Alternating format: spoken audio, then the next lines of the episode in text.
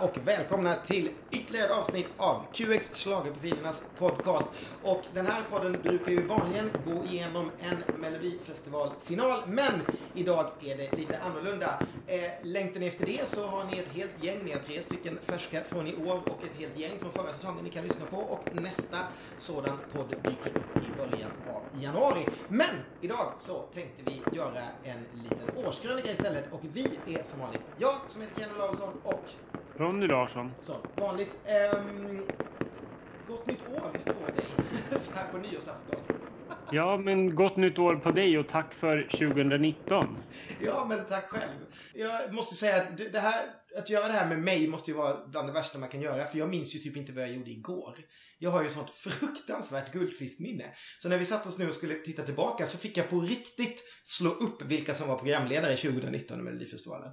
Där är då är det ju verkligen illa. Det är verkligen illa. Jag vet. Jag minns liksom vissa låtar och jag, jag minns att David Lindgren var året innan. Du kan ju tänka dig. Det är så konstigt. Men eh, eh jag har eh, läst på, så nu är jag eh, fullproppad med information. Ehm, hur har 2019 varit för dig så här generellt, om man säger det? Eh, generellt så har det, alltså det finns ju alltid grader i helvetet, får, man väl säga. Alltså så här, det är klart att jag har varit med om folk i min närhet som har haft värre år och det hade kunnat vara mycket värre. Men jag skulle inte säga att 2019 var ett kanonår. Jag tycker det har varit ganska ruttet på väldigt många sätt. Alldeles för mycket jobb, alldeles för jobbiga saker som hänt privat och eh, ja, nej, jag är inte väl, very fond av 2019. Sen en stor grej tror jag också att jag, eh, jag, gill- jag eh, hatar är ett starkt ord, men jag tänker använda det ändå. Musikklimatet som är just nu. Ja. Det är väldigt, väldigt få låtar som jag eh, som jag eh, liksom snappar upp. Det liksom finns inte mycket att välja på. Jag tycker att Spotify på fredagarna verkligen suger. Det finns ingenting att ta. Allting låter typ likadant med de här instrumentala breaken, vilket jag inte är någon fan av och jag är absolut ingen fan av svensk rap. Så jag bara önskar att 2020 bara, att den musikaliska trenden vänder och att det blir någonting roligare. Mello är ju någonstans lite grann en så här fristad där man kan få lite låtar med refränger. Eh, och det är jag ju fortfarande väldigt glad för, även om slagen börjar tåga ut mer och mer, den klassiska slagen. Men det finns ju i alla fall låtar som kanske skulle kunna definieras som slagers 2019 eller för 20-talet. Jag håller ju med dig helt där på musiken. Jag kanske har lite fler låtar än dig eh, eftersom jag lite bredare musiksmak. Men jag, jag har det ungefär lika kämpigt som du också. Och jag vill inte tro att det beror på bara att vi blir äldre. Utan jag vill också tro på att vi på något sätt kommer få ett 20-tal där det i alla fall kommer tillbaka något nytt som både du och jag kan tycka om. Vi har ändå gillat popmusik hela våra liv. Så att jag får verkligen hoppas att vi inte fastnar i den här eh, orten-rappen som jag inte riktigt kopplar. Jag, jag ser liksom inte själva syftet med att sjunga om liksom bitches and hoes och eh, sådär. Eh, men vem vet, jag hoppas att det blir bättre. Nu, jag, jag tänker inte rabbla upp mitt år heller, det är ganska likt ditt skulle jag säga. Så vi får inte börja med det här eh, för negativt så tänker jag att vi kastar oss rakt in och eh, kollar på Melodifestivalen istället. Och vi brukar göra det med lite så här årets grejer. Så jag tänkte vi går igenom deltävling för deltävling och så plockar vi upp lite guldkorn, eller i mitt fall då det jag kommer ihåg. eh, när vi kommer till en deltävling. Och vi började eh, som några år i rad nu i Göteborg. Där Nano, High 15, Victoria, Siana featuring Anis Don Demina, Arja Saijonmaa, Mohombi och Anna Bergendahl tävlade. Och det var ju eh, Mohombi och eh, Victoria som gick direkt. Och Anna Bergendahl och Nano som gick till Andra chansen. Jag tänker att det är lika bra att dra det med en gång. Jag är så van vid det här när vi sitter och snackar de andra poddarna när vi ska försöka hålla saker hemligt. Det blir lite märkligt. Så ut med det, säger jag. Eh, vad minns du från Göteborg? Jag minns att det var ganska, att det var ganska kul tycker jag. Jag tycker det var en härlig start med Melodifestivalen 2019. Eh, jag tycker att det var bra låtar. Jag minns att vi hade väldigt svårt att tippa. Det var, det var svårt att säga vem av de här fyra som, vilka två av de här fyra som du nämnde som gick vidare skulle ta liksom toppplatserna. Eh, och vi höll på att flytta fram och tillbaka och det hade varit superhärligt om två tjejer hade gått vidare tror jag att vi båda två var ganska överens om. Eh, det var en härlig start. Jag fick ju vidare eh, min, mina två favoriter i alla fall, Anna Bergendahl och Victoria och det var jättekul. Jag tycker det var tråkigt att lämna Anis Don Demina och Oceana i, eh, på en femte plats. Ehm, jag hade ju hellre bytt ut Nano som jag tycker är en rätt trist låt faktiskt. Um, och den var ju, och den, men den Siana och Anis Don Demina fick ju en upprättelse i och med att det blev ändå en hit som streamades ganska bra efteråt. Men uh, härlig start tycker jag på, på melloåret 2019 och jag har att vi hade ganska kul. Ja, vi, hade, vi har ju oftast ganska kul i Göteborg. Jag skulle säga att våra Eh, vi brukar prata om i de här eh, podden om våra bibarspelningar men det är fan en klassiker och det, det, det är en sån fantastisk stämning och det var inte mindre stämning i år med massa folk och vi spelade och eh, vi hade dansar-Edin och eh, vår kompis Cissi med oss i DJ-båset hela kvällen vilket var Eh, otroligt roligt. Plus att jag också började med en ganska bra fest på onsdagen. Eh, onsdag natt på ett hotellrum som gjorde att jag typ knappt kom ihåg repetitionerna på torsdagen. Eh, och det är ju det är både bra och dåligt kan man säga. Det är, det är oftast väldigt mycket spänningar som släpper när man väl sätter igång i den här jäkla cirkusen. Eh, men eh, mm, det, var, det, var, det var väldigt bra partystart. Eh, och jag håller ju med dig. Precis det du säger. Min favorit där var ju absolut Anna Bergendahl. Så jag var väl lite besviken tror jag väl på resultatet eh, där. Men om jag redan nu ska slänga in någon, någon årets så vill jag gärna sätta Anna som årets comeback. För att på något sätt så tänkte jag knappt på Anna som, alltså innan tänkte jag på Anna som en comeback och allt 2010 och många onda ord som har kommit ur den här munnen om, om det där bidraget genom åren. Men nu när hon ska komma tillbaka 2020 så känner jag snarare att, att eh, det var liksom en, en ny Anna på något sätt. Jag, jag har helt glömt bort 2010. Så det måste man väl säga är en, en väldigt bra comeback. Hon har ju typ inte haft någon karriär, eller en väldigt, väldigt eh, liten och eh, omärkbar karriär däremellan. Så det tycker jag är jättehärligt att hon nu liksom plötsligt är där, där hon eh, borde vara. Ja, jag håller, jag håller helt med. Det, jag hade också det på årets comeback. Eh, om jag får slänga in eh, en årets för min del så säger jag nog eh, att årets Babe är Victoria. För jag tyckte att hon gjorde sitt nummer så jäkla snyggt. Jag älskade det där med med regnet. Det var ett helt nytt kul grepp som jag tyckte funkade svinbra och hon sjunger fantastiskt bra. Vilken jävla insats att sjunga en rätt jobbig och stor ballad samtidigt som det liksom öser ner regn över en. Jag kommer ihåg hur hon frös i början. Att det här, det här vattnet hänger ju alltså uppe i taket i en ishall. Det är typ minusgrader i det där vattnet. Och sen så slängs det ner på henne medan hon sjunger. Jag tycker det är, ja, det är otroligt imponerande. Jädrar. Eh, jag kan ju inte ens sjunga i en varm dusch. Eh, men det säger kanske mer om mig. Eh, jag, om jag ska hitta på några egna eh, sådana här året så skulle jag vilja säga att årets mest tjatiga är ju Hello. Jag, jag fattade aldrig den låten då. Jag tyckte det var en av de sämsta, kommer jag ihåg, när vi hörde på uppspelningen. Det fanns inte en janne att jag skulle gissa att den låten skulle dels bli en hit, vilket den ju blev eh, så småningom, men gå direkt i final. Det hade jag aldrig trott. Och när jag lyssnar på den nu så det är verkligen inte min låt. Jag tycker fortfarande att den är otroligt tjatig och jag tycker att när han gör om Hello till Mello då är det liksom, det är så mycket skämskudde på mig så att jag, det, det kryper i mig. Um, så jag, jag är fortfarande inte kompis med Mohombi-biten. Men det är ju alltid kul när det är liksom nya namn som går vidare. Får jag slänga in en egen då också? Mm. Årets stoltaste, det var väl ändå Arja Saijonmaa när hon gjorde entré på scenen i sin klänning. Jäklar vad hon svängde med den, där, med den där armen och ville visa upp vilken stor, härlig och svängrummig klänning hon hade på sig. Helt underbart. Det var, ju, det var ju nästan lite årets äntligen också att det kommer tillbaka en schlagertant som inte satt med en gitarr och gjorde en, en fräng. Utan att hon, alltså Alltså säga vad man vill om mina fyra årstider, men jävlar vad vi sjöng den under hela turnén. ja men verkligen. Det är, liksom, det är så mycket minnen sittandes i en bil med den på högsta, högsta volym. Främst uppe i, uppe i Leksand och Tällberg. Men Även den här låten tror jag kommer hänga med. Eh, det är ju våra vänner eh, Anders och Elaine som har eh, podden Schlagerfesten som, eh, som bildar vår lilla, vår lilla fyrkant som drog runt och sjöng mina fyra årstider för full hals genom Sverige. Det känns lite nästan som att det är ett eget litet tv-program man skulle kunna göra om det när vi satt och skrek i eh, bilen. Ja men då har vi nästan sammanfattat Göteborg va? Ja, absolut. Jag tycker vi hoppar vidare till eh, nummer två. Vi går vidare till Malmö och eh, där tävlade, om ni har glömt det, Andreas Jonsson, Malou Prytz, Oskar Enestad, Jan Malmsjö, Vlad Reiser, Hanna Fermo och Margaret. Ja du. ja. Vad minns du starkast av Malmö?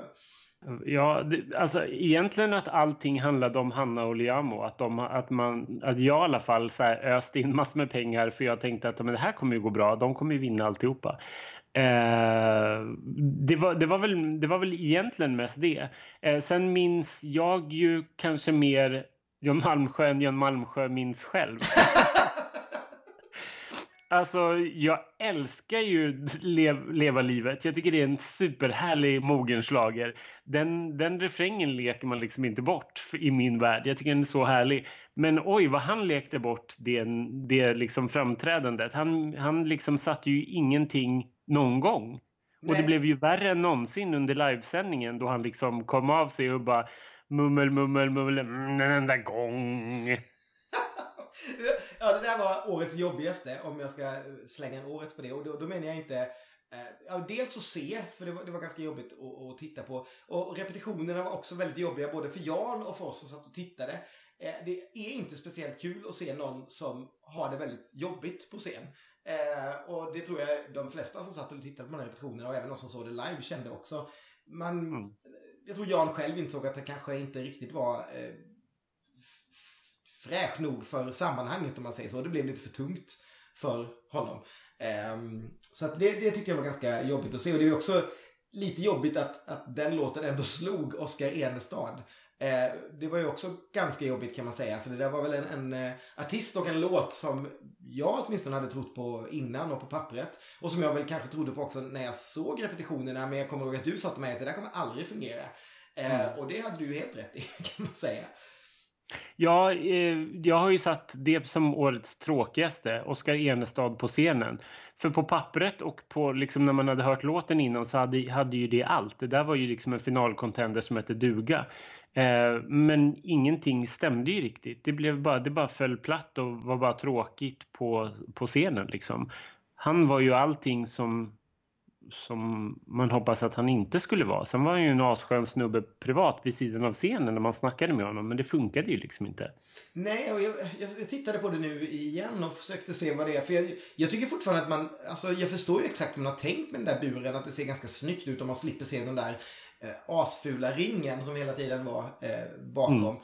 Eh, och, och, så vidare och så vidare. Men det, han har inte riktigt den han hade inte den lyskraften att bära upp ett sånt nummer. Det behövs liksom en, en Sade för det. Eh, eller mm. en Måns. eller en Danny. Alla kan inte bära upp sådana där tekniska nummer. Ibland är det nog bättre att bara eh, spela lite mera på, eh, ja, stå still och sjunga. Eh, mm. Man är bra på det. Um, jag har skrivit in årets fulaste här och då var det en liten time mellan hur plasten såg ut på repetitionerna bakom eh, Hanna Leamo eller Margarets klänning som jag fortfarande inte förstår. Den ser ut som en sån här, något som man ska göra så här green screen grejer på. Så här, man ser du vet från Hollywood med små, små prickar på. Som de sen ska bygga ihop och så blir man en ödla eller någonting. Men, men liksom, nej den skulle vara så. För det var liksom allt det andra som var green screen och inte, inte hon. Eh, ett otroligt feltänk måste jag säga. Allt, för det tycker jag är en jag älskar den Anders Wrethov-låten. Eh, mm. Jag tycker det är en så här härlig, liksom, eh, Eleni-rökare på något sätt. Och det, det blev bara så här kallt och konstigt. Mm, men jag, det håller jag helt med om. Det här var ju en diskussion där han hamnade i dispyt med diverse människor under veckan.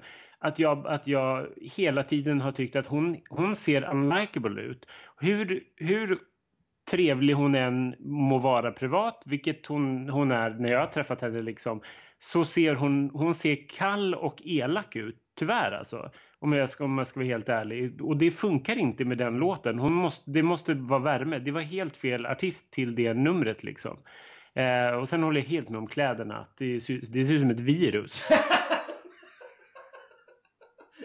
ett polskt virus. Ett polskt virus. Tyvärr alltså. Eh, nej, det, var, det där var en felsatsning som hette duga tycker jag. Hon förtjänade inte den låten alls. Ibland blir jag så förvånad också för de här människorna, så det ligger så mycket pengar bakom och människorna som är inblandade, det är inte, de, det är inte så att de är mindre erfarna än vad vi är, många av dem eh, som är inblandade. Och jag förstår inte hur det är så lätt för oss att se en sån sak. Det är den här, de här tre minuterna man spelar upp som är det viktiga. Alltså det, det man förmedlar som är det viktiga, inte hur liksom hur härlig man egentligen är.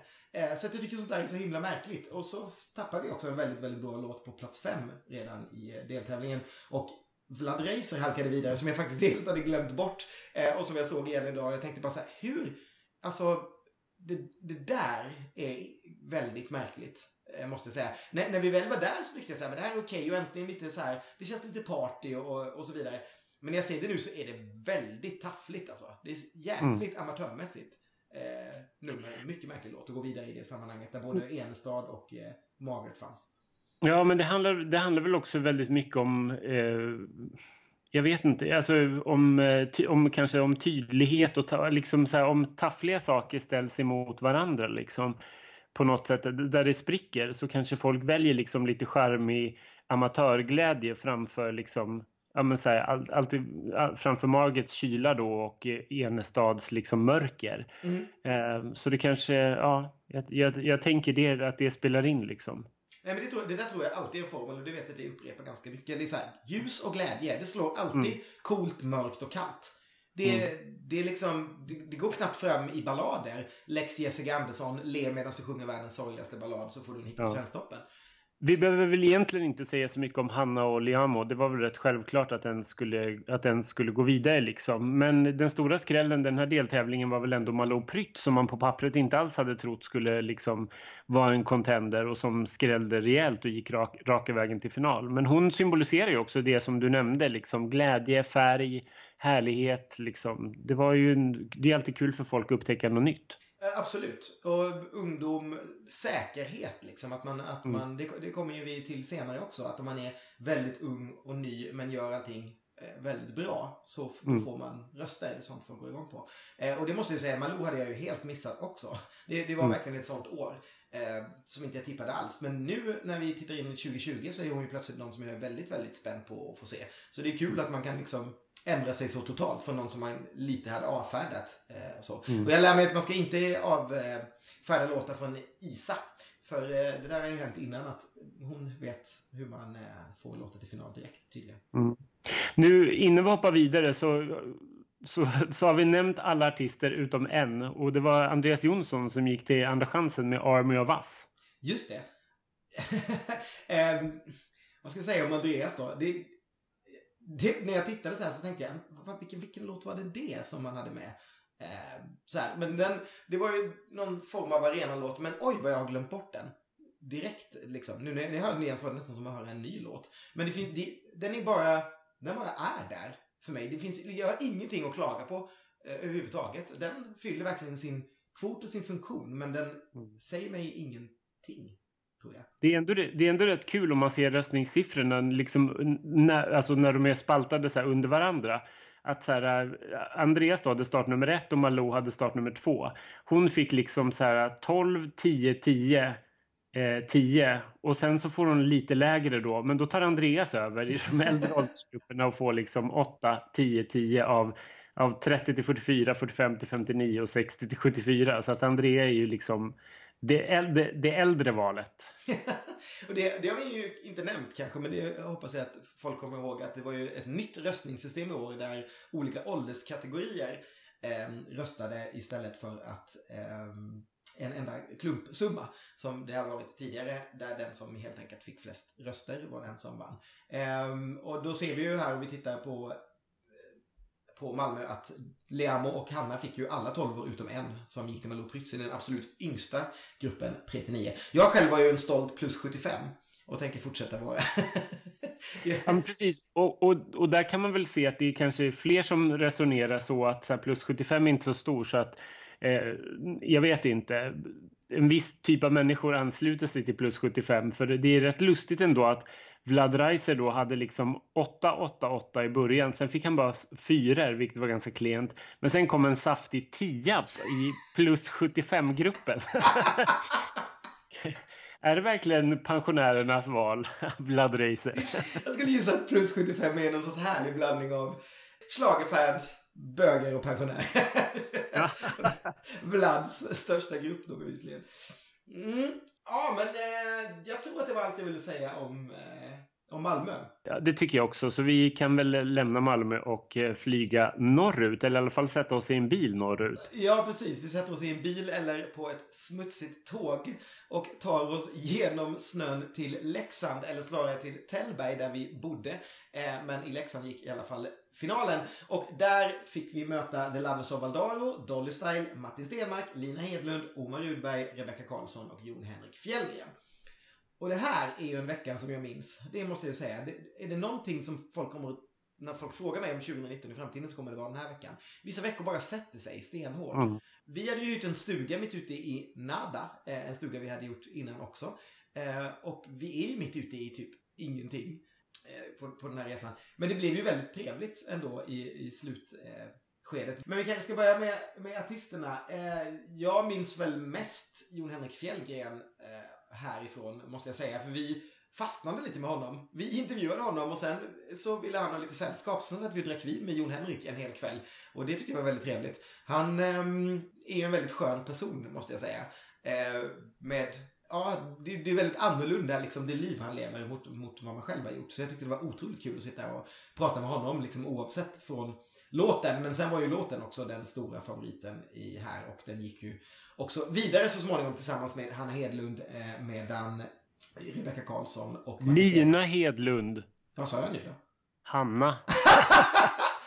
det är samma sak. Nej, det är det mig fan inte. Det står jobbigt det kommer bli nu när hon ska programleda. Och jag kommer att kalla henne för Hanna hela tiden. Nåväl.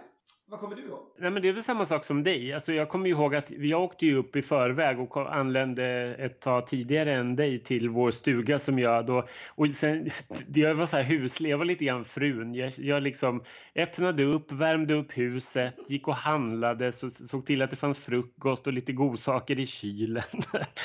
ehm, och sen det, sen, apropå Jon Henrik, det var ju supertrevligt men jag har fortfarande dåligt samvete för han bjöd ju upp oss till liksom till fjället och var helt allvarlig med den inbjudan, vilket jag tycker är så himla fint.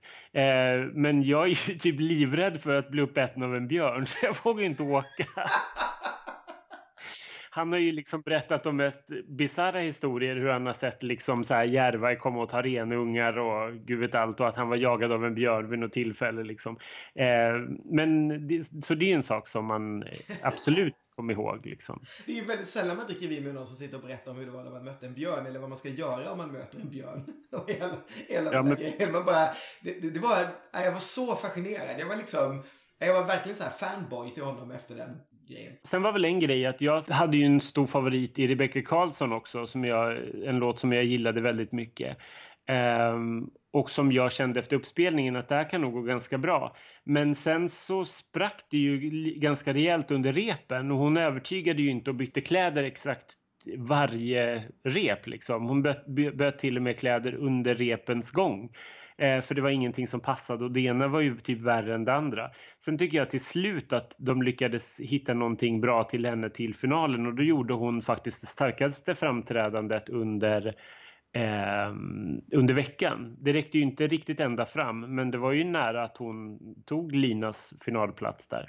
Jag håller med. Eh, jag vet att du intervjuade Linda Bengtzing i eh, ett av våra tidigare avsnitt den här säsongen. Och hon sa hur viktigt det är när man kommer till stan att man bara kan njuta hela veckan och vara på plats och, var, och liksom att allting sitter. Och det var ju verkligen inte en sån vecka som stackars Rebecca fick. För att det där blev ju bara värre och värre och mera kaos för varje repetition vi såg. Det, det var länge sedan jag såg någonting som var så stökigt tror jag. Eh, mm. Och det är ju det är ju verkligen inte lättare då om man inte har varit med innan. Eh, och vet och vågar säga ifrån eh, och så vidare säkert. Så det var, jag, jag håller med dig. Vi, när vi satt på uppspelningen så tror jag jag slängde in en del pengar på att den skulle vinna alltihopa. För jag tänkte att den lät liksom väldigt mycket som eh, This is me. Eh, ja. Och sådär. Men det gick ju som sagt inte riktigt igenom. Sen när vi väl satt på repen så var vi väl ganska säkra på att Omar skulle gå vidare. Och det hade vi ännu mera fel på när det väl eh, gällde. Ja men verkligen. Det var han övertygade ju mer och mer för, för varje rep som gick tycker jag om vilken, vilken stjärna han är. Och att den där låten satte sig. Och sen har jag för mig att den var ganska stor favorit eh, på, på repet, liksom, på genrepet. Mm. Um, och, och egentligen samma sak med Dolly Style som jag nog var ännu mer övertygad om skulle gå, gå raka vägen bland, i det här startfältet. För den hade liksom allting på något sätt. Den verkar tilltala en äldre publik och framförallt så tilltalar den ju barnen jättemycket. Och det visade sig i efterhand att det var ju sant för det blev ju en jättestor hit mm. eh, för, för Dolly Style på Spotify. Eh, jag, är, jag fattar fortfarande inte riktigt hur, hur den kunde komma femma i det här. Det tycker jag är förvånande för jag var helt säker på när vi satt där och kollade på tvn så var jag bara så här, nej men det är ju klart att Dolly Style tar Lina, men det var Lina som fick den platsen. Habibi var ju, la vi ytterligare till sen till vår repertoar i bilen. det var Arja ja. och Habibi som som gällde resten av, av veckorna. Så att jäklar vad jag, ja, och de där rörelserna och grejerna. Um, ja, nej men så var det ju. Men, men Lina slog igenom och visade faktiskt än en gång året efter Jessica att det finns liksom någon sorts sug efter eh, den typen av artister och eh, den typen av, av slagers. Sen vet jag ju, jag, vi behöver inte ta debatten om hur mycket bättre du tycker Jessicas låt är än Linas låt. Men det är lite samma, samma typ av liksom eh, ja. publik tror jag på de där två. Låtarna. Absolut. Nu, nu märker jag att du, för, du försöker slingra dig ur det här, men det kommer inte gå. För jag har nämligen årets besvikelse är tveklöst Victorious med Lina Hedlund. jag, jag får be om ursäkt då för, för eh, att jag kallat henne Hanna, men jag, jag gillade faktiskt låten. ja, men kör, har du mer? Eller du tycker du har dratt det tillräckligt? det räcker. Jag, bara, jag har aldrig klickat med låten och tycker att den är tråkig och jag tycker att numret är svintrist verkligen. Jag tycker att det, det, det... Var jag besviken på låten så kunde ju låten i alla fall ha lyfts av numret. Men det tycker jag inte heller gör. Det enda som är liksom tillgången det är Lina för hon är ju snygg och sjunger, sjunger jävligt bra liksom. Hon är ju en bra artist. Men jag tycker att det är obegriplig styling. Jag tycker att det är obegripligt tråkigt så här klassiskt slagernummer när man hade kunnat flytta fram positionerna kanske och göra någonting betydligt fräschare när man har den coola artisten som gör låten. Liksom. Så nej, den, den där hamnar i malpåsen på en gång för mig. jag måste säga att där, där har du nästan två stycken i rad om vi blandar in Jessica också. Att det, det verkar vara svårt att få de där eh, låtarna att bli någonting annat än liksom fingerpointing, gå med höga klackar. Ja, förstår du vad jag menar? Att det är lite mm. det, det stuket. Men det skulle vara rätt fräscht att se någonting, någonting nytt liksom. Alltså att man kanske inte behöver ha den bilden bara för att man, man är liksom en, en kvinna eh, som inte är 20 och eh, kör den typen av låt. Nej, precis. Har vi någon vi inte har nämnt? Loves of Valdaro till exempel. Tycker fortfarande det där är en rätt härlig låt alltså. Men eh, ja. det, det, från första gången man såg den så såg man väl lite att det var kanske ganska dömt att inte ta sig någonstans. Det det är liksom bara så det fungerar. Det, det finns bara en väldigt liten klick av bögar i min ålder som lyssnade på syntmusik när de var yngre. Eh, och hur mycket de än ville vara The Weeknd så är det ganska långt ifrån Loves of Valdaro till The Weeknd när man ser på det om man säger så. Ja, nej, det där, det där var ju aldrig no någon stor favorit för mig. Och där är väl också så här, när man när man känner folk i campet och man känner artisterna och man träffar dem väldigt mycket så är det väldigt svårt att liksom man bara, man bara lämnar vad man tycker om, om själva låten i, i, vid sidan och, så här, och, och le glatt åt varandra i alla fall. Jag har heller inte nämnt Martin Stenmark som gick till, till Andra chansen. Och den här låten tycker jag ändå är, den är verkligen helt okej okay, men jag tycker att den är ju som, den är dubbelt så bra som Las Vegas, men den är hälften så bra som när änglarna går hem. det är en jättebra sammanfattning. Och det är återigen ett nummer som var så här, det enda roliga var den lilla skuggan på golvet. Annars var det verkligen också bara stå rakt upp och ner ganska mörkt.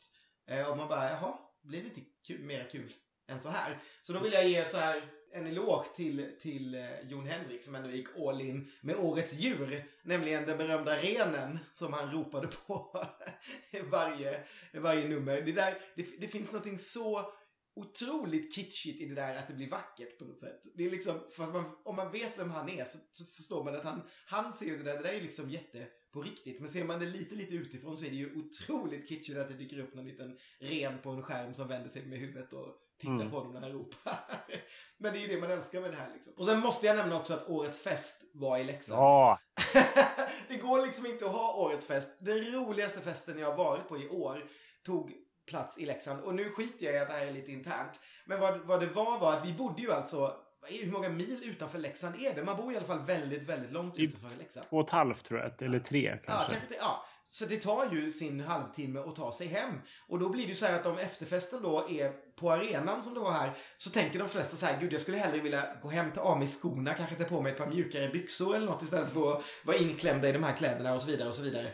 Vilket gjorde att de flesta åkte tillbaka till hotellet där det då inte eh, var någon fest. Men vår vän Elaine eh, hade på något sätt hittat en lokal som vi hade missat hela veckan som fanns i, käll i källaren till artisthotellet.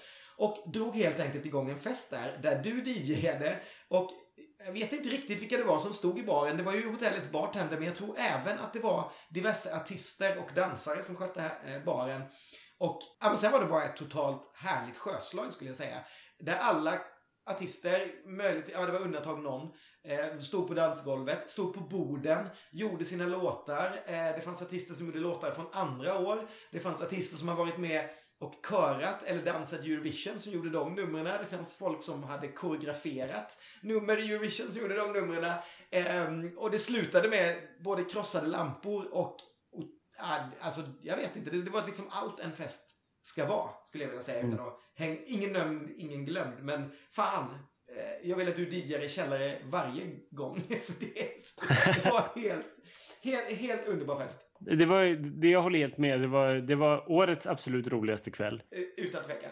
Men då lämnar vi Leksand och åker istället till Lidköping.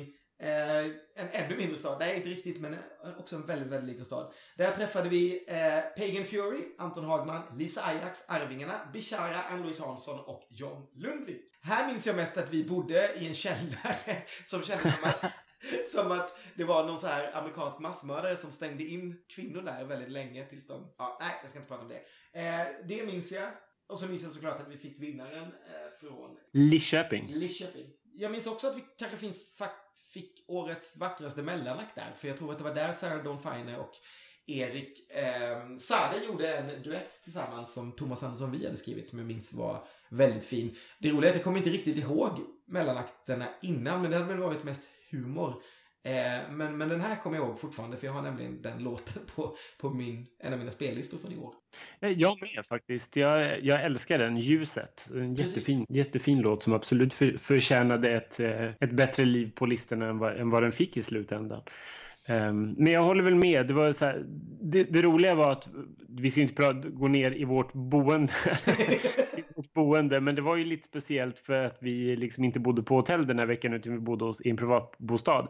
Hos väldigt trevliga människor som var väldigt hjälpsamma och allting var väldigt bra ordnat. Men det var, det var dock i en källare och det är man inte jättepigg på det är fjärde veckan liksom. Men, ehm, men det funkade fint. Jag minns ändå så här Linköping, eller Lidköping som, som så en härlig vecka. Att det var så här, det var härlig välkomstfest det var så här, man var så glad för att John Lundvik fick det där basset som den hade och man bara kände att nu har vi liksom en vinnare. Eh, Bishara utmanade ju och framförallt så fick jag ju Arvingarnas I Do som jag tycker var superhärlig och jag var ju så, det är så här hemskt men jag var ju så glad för det såg så snyggt ut när de var tre stycken och de såg så fräscha och snygga ut liksom. Eh, och det passade så bra med, när de var tre. Det blev, lite, det blev lite klumpigare när de var fyra. Skulle du vilja säga att årets minst saknade var den fjärde Arvingen i Lidköping? Förlåt Tommy, men du var minst saknad. jag håller med, jag håller med. Jag tycker det såg jättesnyggt ut när de bara var tre. Men, eh, men annars så skulle jag ju vilja lyfta fram årets överraskning och det var ju att Ann-Louise Hansson gick vidare till den andra omgången det såg jag verkligen inte komma och det gjorde mig så fruktansvärt glad. Ja, jag håller med helt. Älskar Ann-Louise. Eh, fick även chans att prata lite med henne och säga det sen på efterfesten. Det var, det, det var nog det finaste också. Eh, och hennes dotter Josefin då som har skrivit låten är också en, av, en underbar människa som var så himla rättvist att det där gick vidare. Eh, och sen förstod man väl kanske att det inte skulle eh, gå längre, kunna bli mer än en, en femma för vi fick ju faktiskt eh, fyra finalbidrag från den här deltävlingen. Så att det var, det var ju fyra ganska starka låtar före. Men det är ju jättehärligt tycker jag fortfarande. Och att det finns en, en chans att, eh, att komma vidare även om man har uppnått en viss ålder i den här tävlingen. Mm. Ja, vi fick ju som sagt fyra finalister från den här tävlingen. Vilket var vilket var välförtjänt såklart, eh, för det var ju starka låtar. Däremot så måste jag ju ta en hittepå-kategori, årets onödigaste. Anton Hagman med Känner dig. Vilken fruktansvärt blek och onödig låt. Det är liksom så här, varför ställer man upp med det och varför kom den med överhuvudtaget? Det är, det är liksom obegripligt på alla plan tycker jag. Alltså det där var utan tvekan årets sämsta låt för mig. Så här, och varför ställer man upp med en sån låt efter att man har gjort någonting helt annat innan? Så är det väl jätte, alltså om man nu, det är väl bättre att följa liksom Sean Mendes-spåret då som ju fortfarande är väldigt stort och ligger på listor. Än att gå vidare mm. till vad det nu här skulle föreställa. Jag vet inte riktigt vad det här skulle försöka vara. Nej, jag håller med dig helt. Jag tycker också att Stormbringer, alltså hallå, det måste finnas någon sorts annan rock än hittepå-rock i, i den här mm. festivalen. Det där är också så här saker som inte finns på riktigt och bandet var inte ens där. Det var ju liksom, jag tycker båda de två, två låtarna är bland de mest onödiga av alla årets liksom 28 låtar och de tryckte de in i samma deltävling. Så på, på det sättet så är det väl skönt att, att eh, och inte så konstigt att Ann-Louise gick vidare. För det var ju ändå en bra låt, liksom, de mm. fem som var över. Eh, sen kan vi väl nämna Torn också som jag faktiskt ska ta tillbaka. Att jag har varit väldigt hård mot den. För jag, jag tyckte att jag, jag har inte riktigt klickat med Lisa Ajax som artist och jag var så irriterad efteråt. Eh, för att eh, jag var, var irriterad för egentligen. För att jag visste ju att On My Own och eh, Too Late For Love skulle gå vidare. Jag vet inte, vad du inte... Alltså, jag vet inte. Jag, jag kommer ihåg det också. Skitsamma. Jag var irriterad för att jag tror att jag, jag insåg att den hade slagit Arvingarna och det tyckte jag var helt obegripligt. Eh, det, det, det vill jag inte veta av. Eh, den kom alltså trea och Arvingarna kom, kom fyra, vilket... Jag, jag, skulle nog säga att du var mer irriterad när vi kom till Andra chansen sen och den gick vidare och inte eh, Who I Am. Eh, nu var ju inte de ens emot varandra Rebecka, men, men det var väl också, det var väl just därför att när, när vi satt och tänkte så här, hur har placeringarna blivit? Så insåg vi att, okej, okay, de, att de inte fick möta varandra och så vidare. Och så, så vidare. var det. Och, och, då, för att vi fick ju reda på det direkt efter deltävling 4. Och då var du lite irriterad för vi insåg väl kanske då att, att Rebecca Karlsson skulle åka ut men att eh, Lisa Ajax hade större chans att gå vidare. Ja, det är mycket möjligt. Jag, jag kan i alla fall hålla med om att det är en, eh, en rimlig låt eh, faktiskt. Eh, och att hon, hon gjorde den bra. Jag har eh, faktiskt eh, listat den som årets mest underskattade och det verkar ju väldigt konstigt när den gick till final och hela den grejen. Men jag menar med underskattad är att jag tycker verkligen att Isa Molin är en underskattad låtskrivare. För jag tycker att det där var en jättebra låt och hon har ju också släppt låtar efteråt som jag vet att du har uppmärksammat mig på. Eh, som jag tycker är mm. jätte, jättebra. Så att henne vill jag gärna se mer av framåt i festivalen. Och det ryktades ju även att Loreen tackade nej till den här och gjorde statements istället. Det var ju i alla fall ett rykte som gick Eh, Eh, under den veckan när vi var där. Och då tycker jag att Loreen gravt underskattar den här låten också. För jag tänker att om hon hade stoppat in sitt signum på den där och de hade pratat om den lite och, och så vidare. Så tror jag att det där kunde blivit riktigt, riktigt farligt. Eh, 2017 mm. var det va? Ja, precis. Nej, det är ju, det är ju helt rätt. Jag har ju jag har sett årets mest överskattade på Bishara.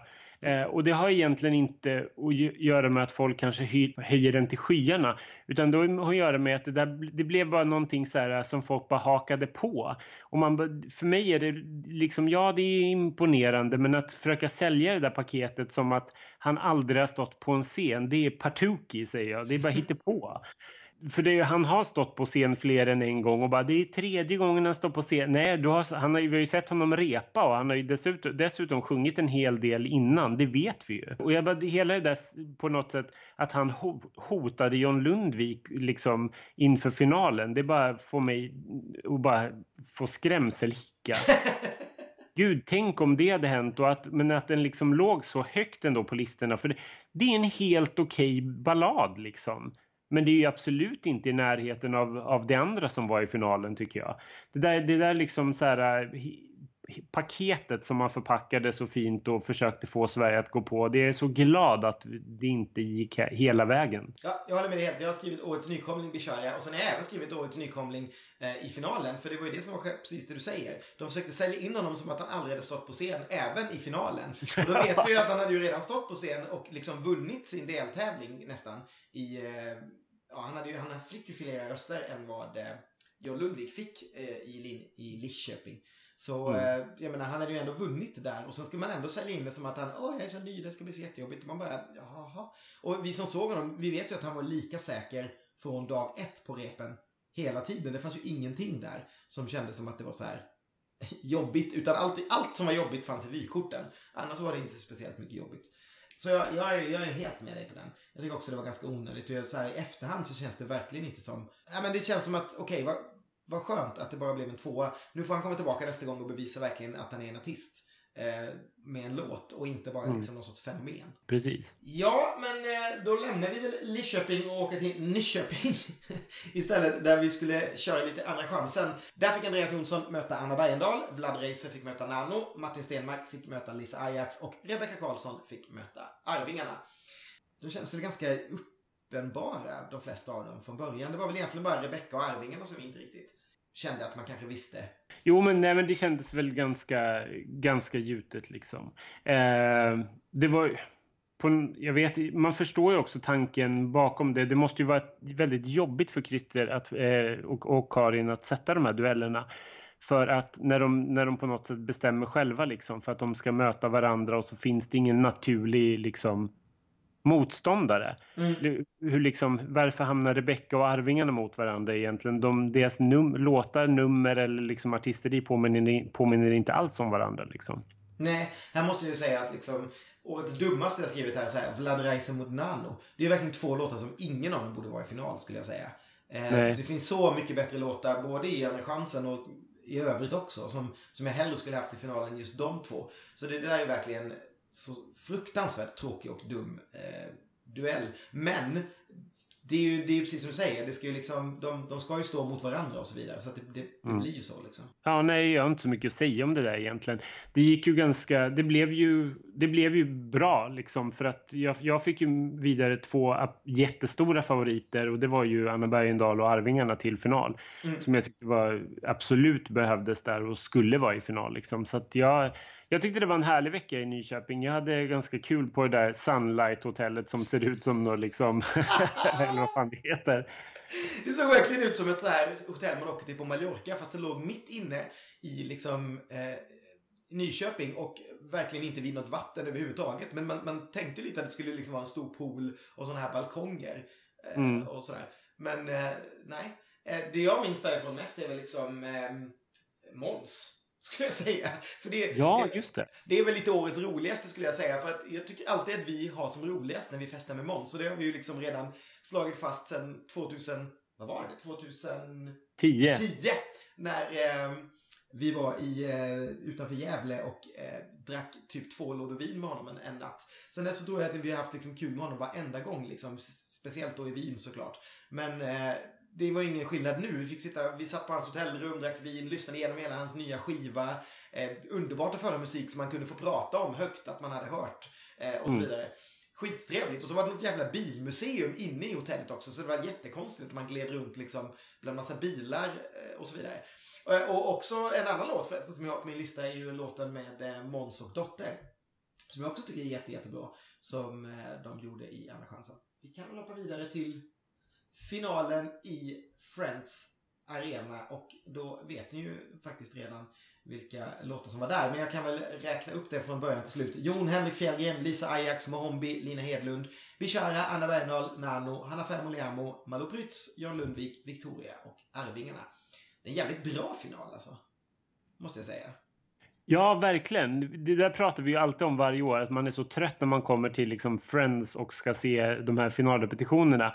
För mycket har vi ju sett ganska, ganska nyligen, framförallt de fyra eh, Andra chansen-låtarna som precis har gått vidare, men också de två låtarna som gick direkt till final från fjärde bara två veckor innan.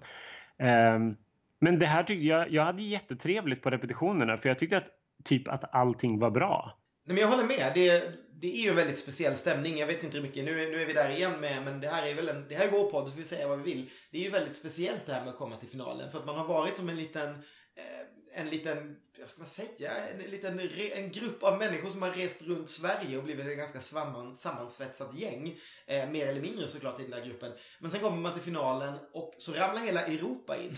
Det är väldigt, väldigt mycket eh, Okej, okay, främst bögar från eh, Europas alla hörn som ska rapportera för sina schlagersajter och det finns liksom 14 andra schlagerprofilerna, par som sitter där i varsin hörna och ska muttra åsikter. Och det kan ibland vara ganska, ganska jobbigt och då lägg till det du sa innan att man oftast kanske bara vill höra en tredjedel av låtarna. Men jag tyckte det var väldigt trevligt i år just för att det var så mycket bra. Det fanns liksom, det fanns liksom ingen låt som man kände okej, okay, nu går vi ut eller ja, så vidare. Mm. För det är en väldigt lång dag, de där tolv eh, låtarna i den där torsdagen i Friends. Sen var jag, måste jag också säga att det var en väldigt, det var en väldigt trevlig välkomstfest där du DJade igen. Jag tycker du satte DJ-spår genom hela vår resa i år som jag älskade. Som var väldigt nice.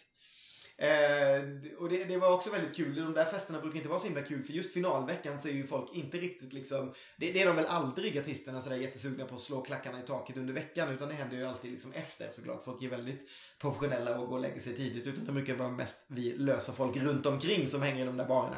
Eh, men nu tycker jag ändå att det stannade en hel del och det var väldigt kul och folk fick väldigt mycket bra Instagram stories när eh, de flesta artisterna liksom fick riva av sina låtar eh, på dansgolvet. Och sådär. Så det tycker jag var väldigt, väldigt kul. För det, det är lite det, jag menar kommer du från hela Europa så är det ju det du vill ha skulle jag säga. Absolut, ja, men så, så är det ju. Det, det roliga är bara att jag, det, det var jättekul. Det var, en jättekul. det var kul att så många stannade för det blev en helt annan stämning på den festen än vad det brukar vara. Det jag, det jag minns mest var bara liksom att jag så här, det var, far, det var så här party och du vet alla dansade och jag spelade artisternas låt och de stannade kvar. Så spelade jag Arvingarnas I Do och de bara ah, dansade med och sjöng med. Och sen fick, då hade jag feeling och jag bara, men det är jättebra att jag kör Eloise direkt efteråt. Då bara, nej men okej, det här ville de inte göra.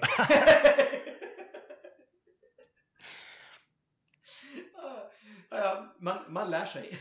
man lär sig helt enkelt. Alla är, alla är vi barn i början. Men eh, inför finalveckan då så var det ju ganska eh, det är ju, på något sätt så är det ju ganska enkelt nu för tiden att se vad det handlar om. Liksom. Det är ju inte tolv låtar som slåss om segern utan vi har ju ganska tydlig liksom, topp det här hamnar i mittenskiktet skiktet, och just mittenskiktet kan det gå hur som helst. Alltså en tredje plats kan ju lika gärna bli en åttonde plats just för att det, vi har de här jurygrupperna och sen så skiljer det så lite mellan vad, liksom, när folkets poäng ska delas ut. Så då kan det göra jättemycket liksom att Israel har gett en tolva till Arvingarna och en etta till Mohombi till exempel. Mm. Eh, så däremellan kan det ju växla rätt mycket men vi har ju ofta två låtar det handlar om eller kanske tre. Och på Spotify veckorna inför då så ser man ju hur det går och då låg ju John Lundvik högst hela tiden. Och så var det Bishara under det och så var det Hanna och Liamo liksom som pendlade där på en andra och tredje plats liksom. Så det var väl dem det handlade om. Men John Lundvik var ju den som skulle ta det liksom. Ja, och jag skulle säga att jag menar det, det är ju väldigt konstigt nu med, med appen. För John Lundvik, jag tycker inte att vi hade sett någon så tydlig liksom klar vinnarkandidat sen Frans eh, mm. innan. Utan jag var, jag var nog 99% säker på att det skulle bli John Lundvik så länge inte juryn hade kastats över Bishara. För jag visste att folket kanske skulle kunna ha liksom Bishara ganska nära.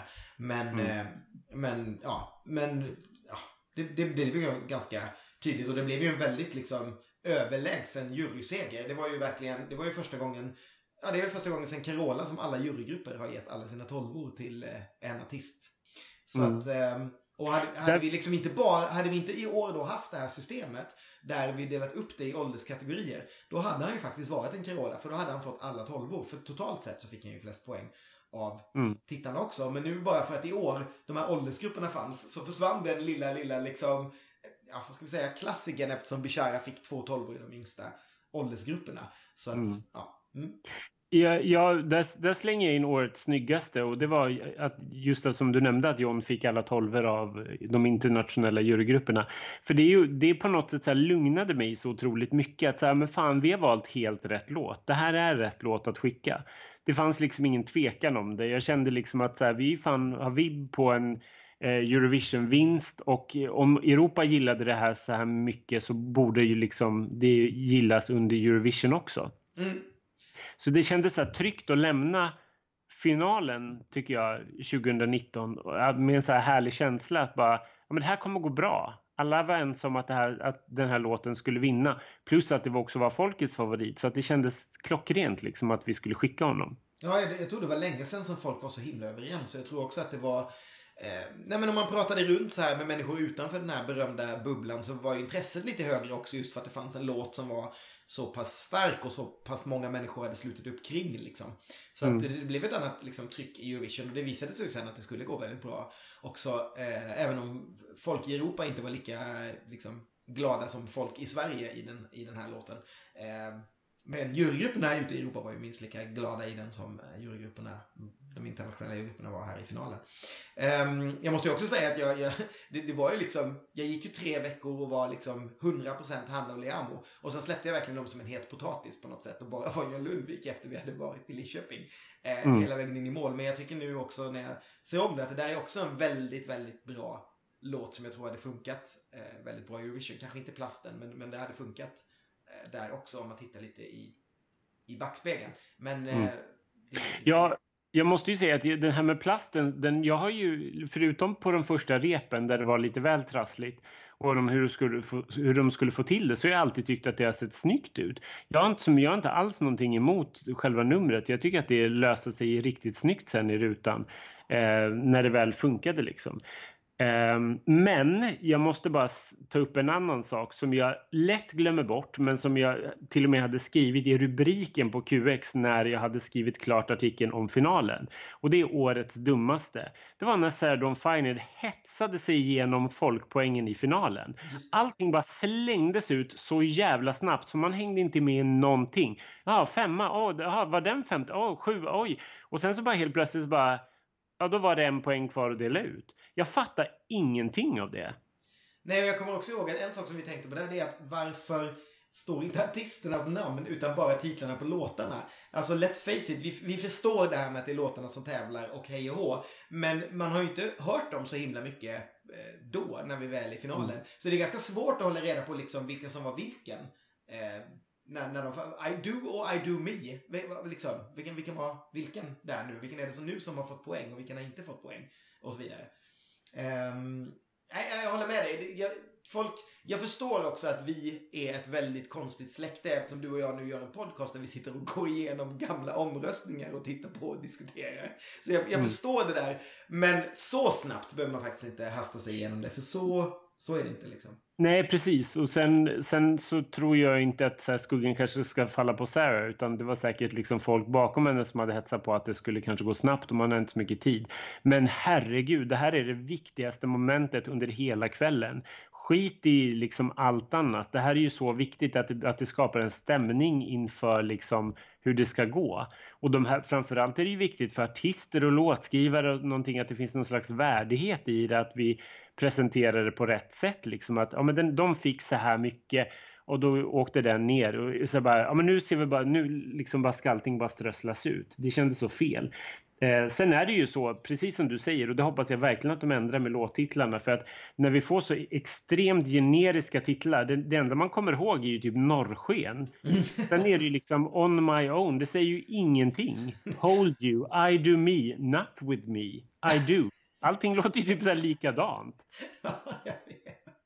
Nej men precis. Det, det finns ju en anledning att man i Eurovision skiter helt i att bara ha länderna. Det är ju liksom ingen som kommer ihåg vem som var Sverige eller Norge, men vi vet att det är Sverige eller Norge liksom. Så vi hade kunnat ha liksom samen. Ex-Alcazaren. Hon med duschen. De med plasten. Hon med skolflickan. Usch, jag stoppar det här innan jag säger någonting dumt. Eh, men jag skulle vilja dela ut ett pris till Årets kvinna här och det är till eh, The Mamas. De får dela på Årets kvinnotitel. För eh, jävlar in i låda vad den där låten är bättre när man ser den live med dem. Eh, och vilket tryck det blir och vad mycket de gör och vilken liksom härlig effekt. Att i det här numret som jag tycker är jätte, jättesnyggt eh, så är det ändå liksom fyra stycken kvinnor som är den stora liksom, effekten med det hela. Vilket, vilket lyft det blir när de kommer in jag vill bara plocka upp den. Och måste jag välja en så väljer jag Lulu Lamotte för vi drack väldigt, väldigt mycket bubbel hon och jag tillsammans en gång. din, din bubbelsyster? Min bubbelsyster från Tel Aviv. då, vill, då vill jag dela ut, eh, för jag sparade det från deltävlingen och hoppar till finalen och ger det här. Årets par är ju självklart Liamo och Hanna Färm. Som jag tycker levererade sån fruktansvärd kemi så att jag har inte sett något liknande sen Karin Ljung och Mikael Nanini sjöng Säger det sant.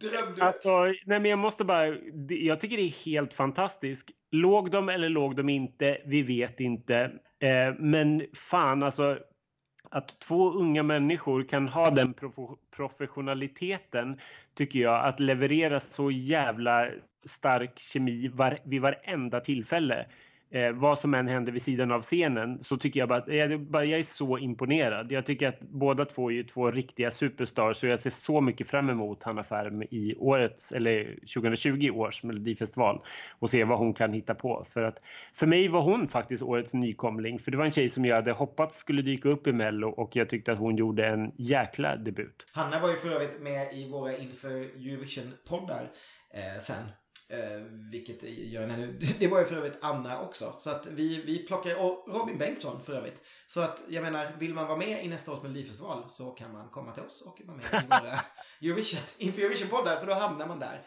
Eh, vi har en deal med Christer som vi inte har berättat för någon.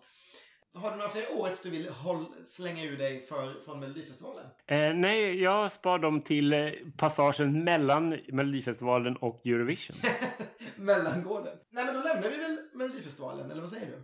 Ja, absolut. Eh, den här krönikan kommer nu att spåra in lite på Eurovision, men jag tänker så här att innan vi beger oss till Tel Aviv så tänkte jag att vi skulle ringa upp en tredje slagerprofil. Eh, en ganska stor sådan. Eh, jag tänker nämligen att vi behöver ha med Christer Björkman när vi pratar Eurovision. Så eh, vad säger du, ska vi ta och ringa upp Christer Björkman? Ja, han är ju den perfekta länken mellan Melodifestivalen och Eurovision. Det finns väl ingen som kan överlappa det här på ett bättre sätt än just Mr Melodifestival eh, och numera typ Mr Eurovision också. Exakt, vi ringer upp Christer.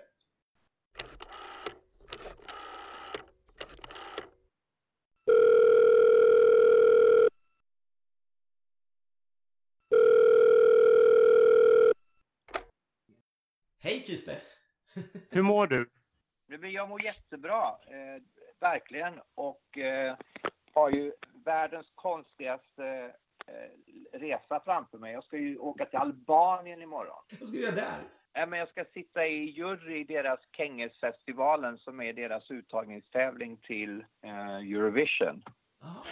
Har du någon sån här tabell hemma där du, kan, där du kryssar för att du har liksom ett mål att ha suttit i varenda nationell jury under de här åren? Ja, lite så. ja, nej, men det är verkligen sådär, alltså hur, hur udda platser kan man besöka? Ja, den listan har jag. Och det här är väl typ verkligen eh, Alltså just de här ställen som du aldrig skulle ha tänkt på att åka till om det inte vore för att det fanns en koppling till Eurovision. Mm. Hur många sådana här förfrågningar får du per år? Ja, det är, inte så, det är inte så himla många per år, men det blir ju många om du börjar lägga ihop dem. Så, Mm. så är det väl de flesta. Men, men eh, de är ju rätt, har varit rätt utspridda, vilket är härligt. Så att då, då finns det en möjlighet att göra det. Men det är ju några som har etsat sig fast verkligen. Det, den här tror jag kommer bli sån. Armenien var ju en sån också som var sådär wow, vilken, vilken upplevelse att bara få, få hamna där. Mm. Vilket land har varit frikostigast? Finns det någonstans där du lever som en kung när du, från att, när du sätter foten på marken till att du lämnar? Ja, det, så är det ju verkligen, men inte på det sättet som man tänker utifrån ett, ett eh, alltså, västerländskt ekonomiskt perspektiv. För de, det är inte det de bygger, alltså de, de, det bygger på engagemang och tid och Mm. Eh, effort på något sätt. Alltså de, eh, och där är ju Ar Armenien är och förblir oslagbart. Alltså eh, gå här som då var min värdinna så att säga som har varit head of delegation ett ganska många år för Armenien. Hon, hon och hennes man, alltså de tog ju mig, de lämnade ju inte mig i princip på de fyra, tre eller fyra dagar jag var där och liksom hade liksom fullt program. De gick med mig på allt, du vet, ordnade så de öppnade ett museum specifikt för mig. Ja, men du vet, det var sådär så man bara kände att helvete vad vi är dåliga på att göra sånt här i Sverige. Vi, vi liksom, vi är så jävla busy med vårt och Mm. vi, de, kom, de kommer hit, våra, jag tänker på våra jury, elva jurygrupper. De, vi liksom, de kommer hit, vi sätter dem på ett hotell, vi kallar dem till möten, eh, vi ser till att de får mat och sen skickar vi hem dem. och, och, det är liksom, och det är det vi gör. Och, och liksom de, de bara la ner hela sin själ i att jag skulle få en upplevelse av deras land. Och det, det, det kan jag fortfarande bli lite knäckt på, att, att, att vi är så extremt dåliga på att göra det. Mm. Får jag bara flika in en fråga här när du nämnde det, för jag blev lite förvånad. Är det så att in, det är väl, jag trodde det bara var jury, liksom head of, dele, eller head of juryn som kommer hit och är här på plats och att de andra sitter hemma i sina hemländer? Ja, det beror ju på hur... Ja, men så är det ju i, i, i Sverige. Så är det Mm. absolut. Eh, Men här är det ju mer att... Här är du ju... Som person är du ju juryn. Ja, Eh, precis. De, de tycker ju inte att jag behöver dela med mig av den där makten till någon utan de tycker att det, det jag säger gäller. Du har ju ramlat rakt in i vår lilla årskrönika här, så vi tänkte använda dig som en liten bro mellan, vi har pratat eh, redan innan du kom in om eh, årets Melodifestival, så vi tänkte använda dig som en liten bro, dels mellan Melodifestivalen och Eurovision eh, 2019, och dels titta lite framåt på 20. Men om vi ja. börjar liksom och minnas lite bakåt. Vad, vad, tar du med dig från Melodifestivalen 2019? Vad är det liksom, vad kommer du ihåg? Ja, och det, det är ju så fiffigt ordnat när man har gjort det här i så många år att man, man så fort det är över så lägger man det bakom sig. Så att, att, gräva i det är jättesvårt har jag insett. För att det, när du skrev de här frågorna till mig så var det bara helt blankt. Jag var bara så här... Uh, uh. och det är fortfarande lite så. Det är lite så här, eh, ja, vad gjorde vi 2019? Um, Nej, och, och det, det, är rätt så blankt. Du får, du får påminna mig om några saker som jag borde komma ihåg. Men det här är så roligt för att jag var ju precis samma sak när vi oss med detta. Jag sa det till Ronny innan. Jag var tvungen att googla vem som var programledare. Jag kommer liksom inte ihåg det. Jag, jag kommer ihåg vilka fester vi gjorde. Men jag kunde inte komma ihåg att liksom Erik och Sarah var programledare. För det hade jag glömt. Nej. Nej, men det som... Det, det, nej, men det, jag kan tycka att det är väl det som för mig stack ut mest förra året, det var ju att, att jag var väldigt involverad även i innehållet och i, i just i, i, valet av programledare och att vi, att vi jobbade väldigt mycket ihop i, i uppstarten eh, med att skapa ramverket för hur de skulle vara, vilka roller de skulle ha gentemot varandra och vilken typ av underhållningsnummer vi skulle göra. Så det är väl det som stack ut för mig, att, att, att det var väldigt kul att vara involverad i den processen. Eh, det, det jag kanske tar med mig mest av allt är nog faktiskt Eriks utveckling. Eh, som för mig är, alltså när man, när man har varit med som både ni och jag har varit från när han var med och gjorde Manboy Eh, via Popular och Düsseldorf och hela den resan till det han gjorde nu. Det är liksom det är ju resan från att, att ha ett litet tonårsbarn till att ha en, en, en vuxen ung man som, som sin, nu gör jag citationstecken i luften här, som sin son. Eh, för det är lite så det känns nästan, att, han, att man har varit med om hela hans uppväxt på något sätt. Eh, den resan tycker jag är fantastisk och jag tycker att han har, har landat i att, att bli en otroligt sympatisk, trevlig person att arbeta med och är jävligt begåvad. Mm. Eh, var det en liten suck av lättnad på något sätt när man har jobbat så mycket med just det som du berättar om, när det gick väldigt bra första veckan? Det kändes som en väldigt härlig start och att det, liksom, det gick hem i de flesta läger. Ja, eh, verkligen. Eh, och, och också de, alltså det vi hade målat upp för oss, det blev det. Eh, och det blev väldigt nära den vision som vi hade målat upp och det, och det är ju det man kan glädja sig åt. Eh, man kan aldrig veta hur saker och ting tas emot, men så länge det följer någon slags plan som man ändå har haft så, så är det det som är eh, liksom det man kan checka av liksom och säga ja, det här blev precis så där som vi hade hoppats och trott att det skulle kunna bli. Sen tycker jag väl att alltså, tävlingen var väl ett, ett rätt, Eh, liksom, det var ett jättebra år. Det var, vi fick ett bra utfall på, på på låtarna eh, kommersiellt. Eh, det funkade jättebra både på radio och på, på, på listor och sådär. Så att eh, tävlingsåret tycker jag var ett liksom, gediget eh, bra tävlingsår. Hur mycket tar man med sig liksom, när man går in i 2020 nu om du, om du säger så att du liksom stänger ner? Hur mycket liksom när du när du, är det verkligen blankt varje gång när du går in, här är låtar och artister, det är liksom ingen tanke bakåt liksom när man sätter sig ner och startar? Eller finns det liksom något så här, okej okay, det här har vi ändå med oss från 19 artistmässigt att de här skulle vi nog vilja ha med igen? Eller är det verkligen blankt och nu ser vi vad det här blir? Och sen råkar det kanske bli då väldigt mycket som kommer tillbaka just på grund av skivbolag och sådär. Men... Ja, men det, det beror väldigt ja, men det tar man med sig, absolut. Och det, där är det ju väldigt alltså, viktigt att veta att det beror helt och hållet på ett, vad de fick för utfall förra året och vad de kommer tillbaka med. Eh, och då, är det, då ser det lite olika ut beroende på vad resultatet blev i själva tävlingen. Om vi då tar till exempel, eh, vi kan ta eh, Prytz, vi kan ta Anna, så, så hade de ju samma, alltså på ett sätt samma typ av utfall på det sättet att de gick direkt till final. De fick ett stort genomslag.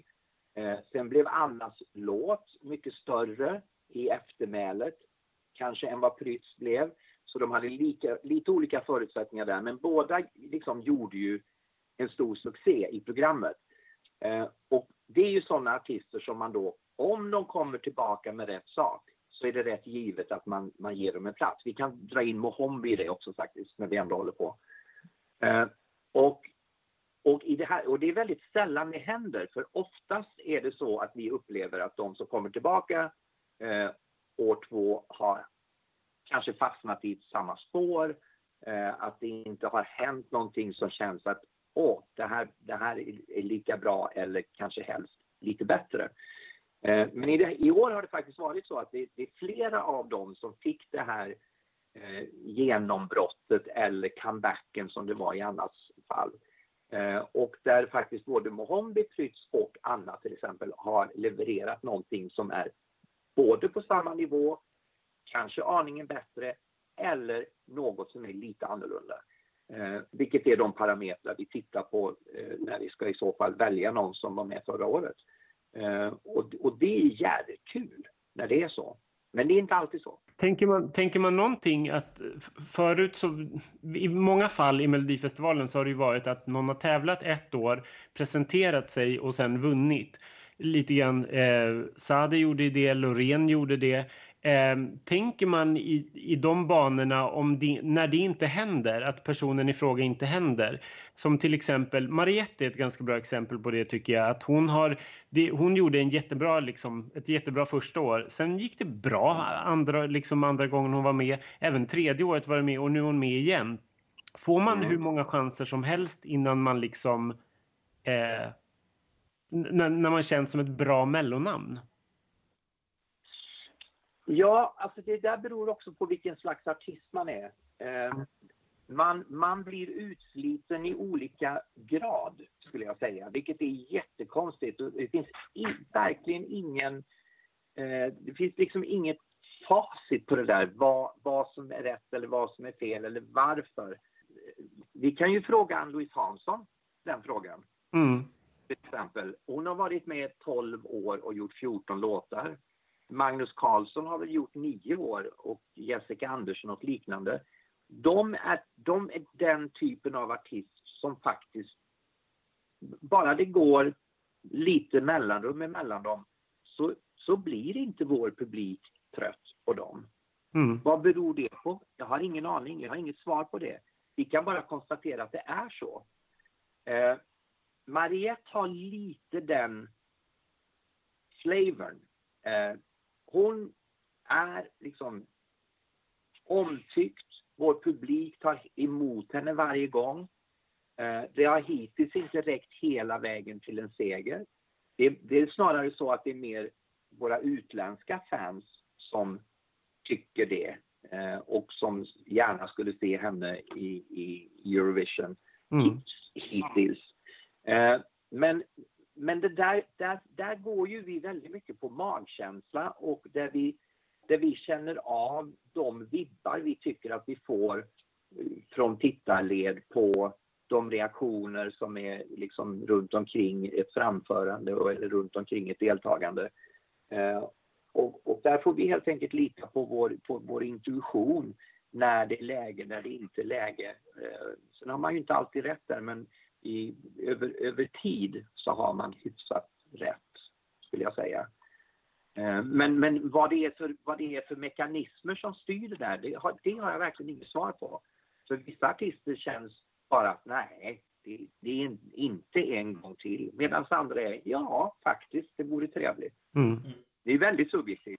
Vad är din roll nu förresten? I, vad, vad, vad, är din, liksom, vad heter din titel numera i, innan du jobbar med Mello? Ja, men i år är jag ju något så tjusigt som senior producer. Det betyder ju att jag är arvet, jag är DNA, eh, jag är, jag är väl det som är ryggraden i eh, vad det här ska vara eh, och borde vara. Så att jag är väl, jag är väl mer sådär, se till att, att alla håller en riktning eh, som är åt rätt håll och så där det inte sticker iväg på alldeles för mycket avfarter utan i alla fall inte avarter som, eller avfarter som skulle bli fel. Eh, så att eh, det är väl lite där och sen är det ju så att eh, vi, vi har ju en, en fantastisk tävlingsproducent i år, Karin, som, som i år för första gången är liksom den som ska initiera alla beslut. Om ni förstår skillnaden. Det är inte, det är inte jag som talar om så här brukar det vara, så här brukar jag göra. Utan hon kommer med liksom, så här tänker jag. Ja, och sen är det upp till mig att tala om för henne att ja, men det är bra tänkt, det är rätt tänkt, eller tänk lite vidare, eller ja, vi utvecklar den tanken. Eh, så att eh, fortfarande är jag en blöt jävla överrock eh, som hon går och ställer på. Men, men så måste det vara. Men det här är också den modell vi har valt att göra för att det ska bli sömlöst eh, efter nästa säsong. Då, då, ska, då ska allting vara klart, överlämningen är klar, färdig och hon är testad eh, fullt ut och eh, liksom, men fortfarande med ett skyddsnät som, som kan fånga upp och säga att ja, ah, fast kanske inte där eller ja, men du vet. Och, det, och det är för att projektet är så jävla stort och det, det, vi vet ju det. Vi har, vi har liksom inte råd att gå för fel. Det, det är för känsligt för det utan eh, det måste säkras på, med både hängslen och livrem. Men planen är fortfarande 2022 i soffan? Eh, absolut. Förhoppningsvis sitter jag i en soffa i, i Santa Monica och eh, tittar på någon slags länk av något slag. Det ska vi kanske närma oss eh, lite, lite senare, men jag måste bara fråga, kan man, har Melodifestivalen utvecklats så mycket? Alltså kan man tänt på, på de gränserna som man kan göra? Det, i, I grund och botten har det ju ändå haft samma format ända sedan 2002. Eh, med fyra, de, fyra deltävlingar, en, någon slags andra chansen, ett uppsamlingshit och en final.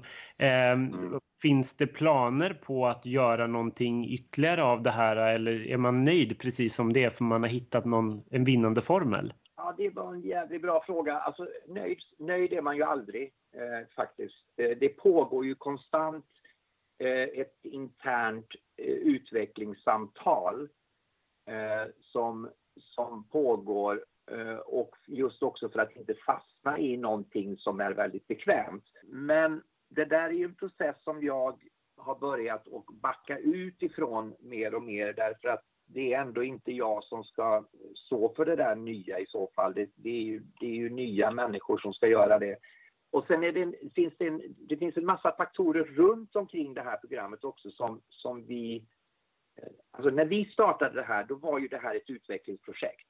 Mm. Eh, och, och, det förväntades av de yttre faktorerna, vilket är ni till exempel, det är tittarna, det är en, en väldig massa eh, olika eh, det är skivbolag, det är förlag, det är radio, det är, det är media, det är samarbetspartners, eh, det är kommuner, det det är allt möjligt. Och, och i början följde liksom alla de här med på vad vi än sa och gjorde och bestämde oss för. Och jaha, nu blev det en vecka till. Ja, men jaha, okej, okay, då kör vi på det. Eh, nu är det här en väldigt fast form som, all, som väldigt många runt omkring oss förhåller sig till och är vana vid och är i, i viss mån även beroende av. Och det gör att det är inte lika enkelt att bara kasta omkull en, en sak och så göra något nytt. Mm. Så att jag, jag, har lite, jag har nog inget riktigt bra svar på det, mer än att det pågår eh, utvecklingsarbete parallellt varje år med att vi gör det vi gör för att stå redo. Eh, för, för någon dag kommer ju någon av alla de här faktorerna att, att fallera. Antingen är det en publiktillströmning eller så är det en tittartillströmning eller så är det något annat någonting kommer att kanske så småningom vika intresset och då måste man stå redo med någonting som tar vid. Eh, så det, det pågår i allra högsta grad. Ska vi styra in lite på Eurovision en stund då innan vi blickar framåt? Um, ja. Din Tel Aviv var ju också väldigt speciell. Uh, minst sagt, eller blev. Uh, vad, ja. vad, vad minns du från hela den där tiden? Dels var du väl nere ganska länge och sen fick du stanna också väldigt länge. Ja, så var det ju. Jag, eh, jag var ju där. Jag åkte ju dit dagen efter svenska finalen, så som jag brukar göra, har gjort sedan Kiev. Eh, både Kiev, eh, Lissabon och, eh, och Tel Aviv. Eh, och har då varit där i funktionen av producent för tävlingen. Och, och så även i år. Och det var ju en, en, en jäkligt intressant eh, resa på, på, som det alltid är när man åker iväg till och möter en annan kultur, du möter ett annat sätt att arbeta. Eh, och, och det är alltid, eh, det är väldigt stressande att hela tiden vara i den där rollen att vi har gjort det förut, vi, det finns en modell, den kan man följa.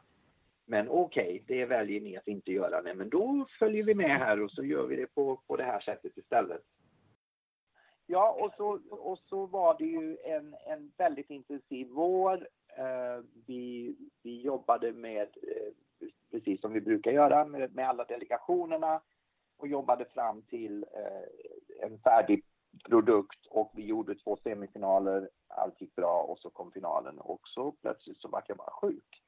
Eh, och det var ju väldigt speciellt eh, på alla sätt och vis. Eh, nu var de ju tack och lov var det ju rätt plats i världen att bli det på för att de är ju superskickliga eh, läkarkåren där nere. De flesta är ju utbildade på specialistsjukhus i USA.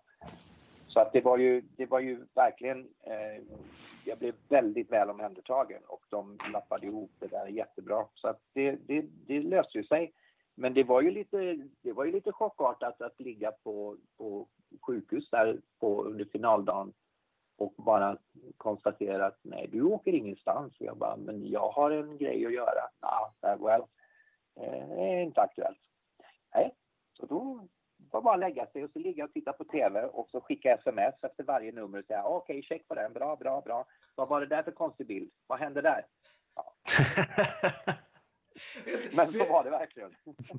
för jag tänkte precis på det. Man måste, det måste ju vara en väldigt bra betyg för dig som chef att du ändå klarar och har delegerat så pass mycket så du inte behöver vara där när det väl liksom händer. Det, må, det, är ju, det, är ju, det måste ju vara målet för alla som har lett ett projekt, måste jag ändå säga. Att, ändå, att man inte är oersättlig på något sätt. Ja, verkligen. Och, och det här är också väldigt intressant för att den här diskussionen hade vi faktiskt det här i år, av alla år. Och det var verkligen så här att israelerna hade ju satt en tjej som min assistent och de kallade henne för Eh, assistant contest producer. Jag sa att det funkar inte. Därför att om jag skulle bli sjuk så är det inte hon som kan kliva in och göra det här för hon kommer inte ha en jävla aning om hur hon ska göra det här. Så det, det, är fel, det är fel titel, det är fel benämning och det är fel inställning till vad det här är. Den personen som är närmast materian efter mig är den som är viewing room-ansvarig, eh, vilket i år var Marvin Dietman från, från Österrike. Eh, och är det någon som kan kliva in och faktiskt producera det här när det är klart, om jag skulle bli dålig, då är det han. Och det var precis vad som hände. Det var liksom, eh, jag gick till honom precis innan jag skulle åka iväg till sjukhuset. okej, okay, nu får du ta genrepet, du får gå in i bussen eh, och ta det bara lugnt, eh, lita på att eh, det vi har gjort sitter och att allt är så klart som det ska vara. Eh, så ska det här gå jättebra. Och eh, han gjorde ju det och han, alltså, han har väl aldrig, han har aldrig varit så jävla skitnödig i hela sitt liv, berättade han ju efteråt. Var, alltså, han, han trodde inte det var sant. Alltså, och dagen var väl okej, okay, men när han insåg att jag inte skulle vara där på kvällen, då var han riktigt, riktigt, riktigt rädd. Eh, men han klarade det jättebra. Det är jättefint. Men var det, var det här någon slags följd av, av, att du, av att du hade jobbat för mycket och fick det här dig att ompröva liksom din din liksom yrkesroll på något sätt och hur mycket du jobbar. För vi vet ju att du, du har ju otroligt mycket hjärta i både Melodifestivalen och Eurovision. Eh, var, var det liksom någon, någonting som låg bakom att du bara, ah, det kanske är lite för mycket? Ja, det här beror, svaret på det här beror helt och hållet på vem du frågar. Eh, mm. Läkarna säger ju att det har ingen, alltså det är ingen direkt orsak med stress. Men om man frågar någon som jobbar med stresshantering, då säger de att ja, fast det där håller ju inte riktigt som svar därför att du, du utsätter ju din kropp för en massa fysiska saker via stress som handlar om adrenalinpåslag konstant, eh, att, du, att du inte får tid till återhämtning mm. eh, till exempel, vilket är jätteviktigt. Så att det är ju ett samspel mellan en väldig massa faktorer. Och när du har för mycket att göra så, så ger du avkall kanske på träning för att du inte känner att du hinner. Eh, du kanske äter sämre, du sover sämre. Så att allt hänger ju ihop. Så att jag mm. skulle nog vara benägen att säga att jo, till, till viss del så har det ju att göra med att man, att man gör för mycket saker. Det tror jag. Och har, har det fått dig att tänka om? Och har du då lärt dig något av detta, tänkte du säga? ja. Nej, Ken och jag är bara oroliga för att du inte ska dricka vin med oss under Melodifestivalen. ja, Ja, vad har jag lärt mig av det här? Jo, men jag har faktiskt lärt mig en del av det här och det är att jag faktiskt, jag säger faktiskt nej till en massa saker som bara är onödiga. Alltså roliga, men onödiga. Eh, och, och jag tänker så här, nej, det där får jag faktiskt göra sen. Det, behöv, det måste jag faktiskt inte göra precis nu. Eh, så att, eh, ja, jag försöker. Så i, faktiskt i, i höst har jag i princip bara gjort Mello och eh, utvecklingsarbete av det amerikanska formatet. Det är de två saker jag fokuserar på. Sen har jag faktiskt undvikit allt annat. Mm. Eh, jag, må, jag, måste ju fråga dig som, som Eurovision-fan också. Vad tycker du om årets, årets Eurovision, liksom kvalitetsmässigt, låtmässigt då liksom? Nej, men jag tycker väl att det var ett ganska så normalt. Alltså det var, det var inte dåligt, men det var heller inte jättebra. Mm. Uh, jag, men jag tyckte att det fanns, uh, det fanns, det, det, framförallt fanns det ju en för mig som var Eh, som stack ut och var fullständigt outstanding som musik tycker jag och det var ju Italien. Mm. Eh, det, det, det är en sån där eh, fortfarande kan jag liksom spela den och känna att ah, vad det där är bra. Och vad synd att de inte riktigt har koll på hur man sätter ihop ett nummer så att det liksom man, man får ihop det som en helhet. Så det, det, det, det hade ju, det, den är bra. Det, mm. det är jättebra och, och det är på något sätt eh, behållningen av 2019 skulle jag säga. Det är att den där sålde fanns. Hur, hur är dina tankar kring att, eh, att Norges Keino fick högsta folkpoängen? Ja, det, det kan man verkligen ha åsikter om. Uh, ja, det, det, det oh, vad svårt. Jag, jag, jag förstår inte det. Alltså, jag förstår inte vad i den det var som triggade igång alla dessa människor som röstade på den. Jag förstår inte. Jag, mm. Eh, det, det, det, och det kommer jag nog aldrig göra. Men ibland är det så. Ibland händer det ju saker där som, som faktiskt är... Var, var, den, var, det, var det snyggt? Nej. Var det, var det bra? Nej. Vad, vad var det? Mm. Var det skojsigt? Ja, nej, inte det heller. Alltså, jag vet verkligen inte. Vad, vad tror du? Vad tror ni? Ja, jag vet jag, jag tycker, jag tycker att det var ett, jag tycker att det var ett ganska starkt, eller ett ganska bra år. Det fanns ganska mycket låtar, men kanske ingenting som var så här fantastiskt. Och var någonting fantastiskt så kanske det föll på någonting, alltså jag tänker bara, som Italien tycker jag också är en superbra låt och jättehärligt och allting. Men han var lite, in, han var lite liksom introvert eller han kanske var lite för, såg lite butter ut. Och det kanske föll på det liksom. Och sen i en så här sjö där det finns så mycket olika uttryck och så är det någonting som är väldigt direkt så kanske det är så här minsta gemensamma nämnare att det fångar upp folks liksom. Jag vet inte.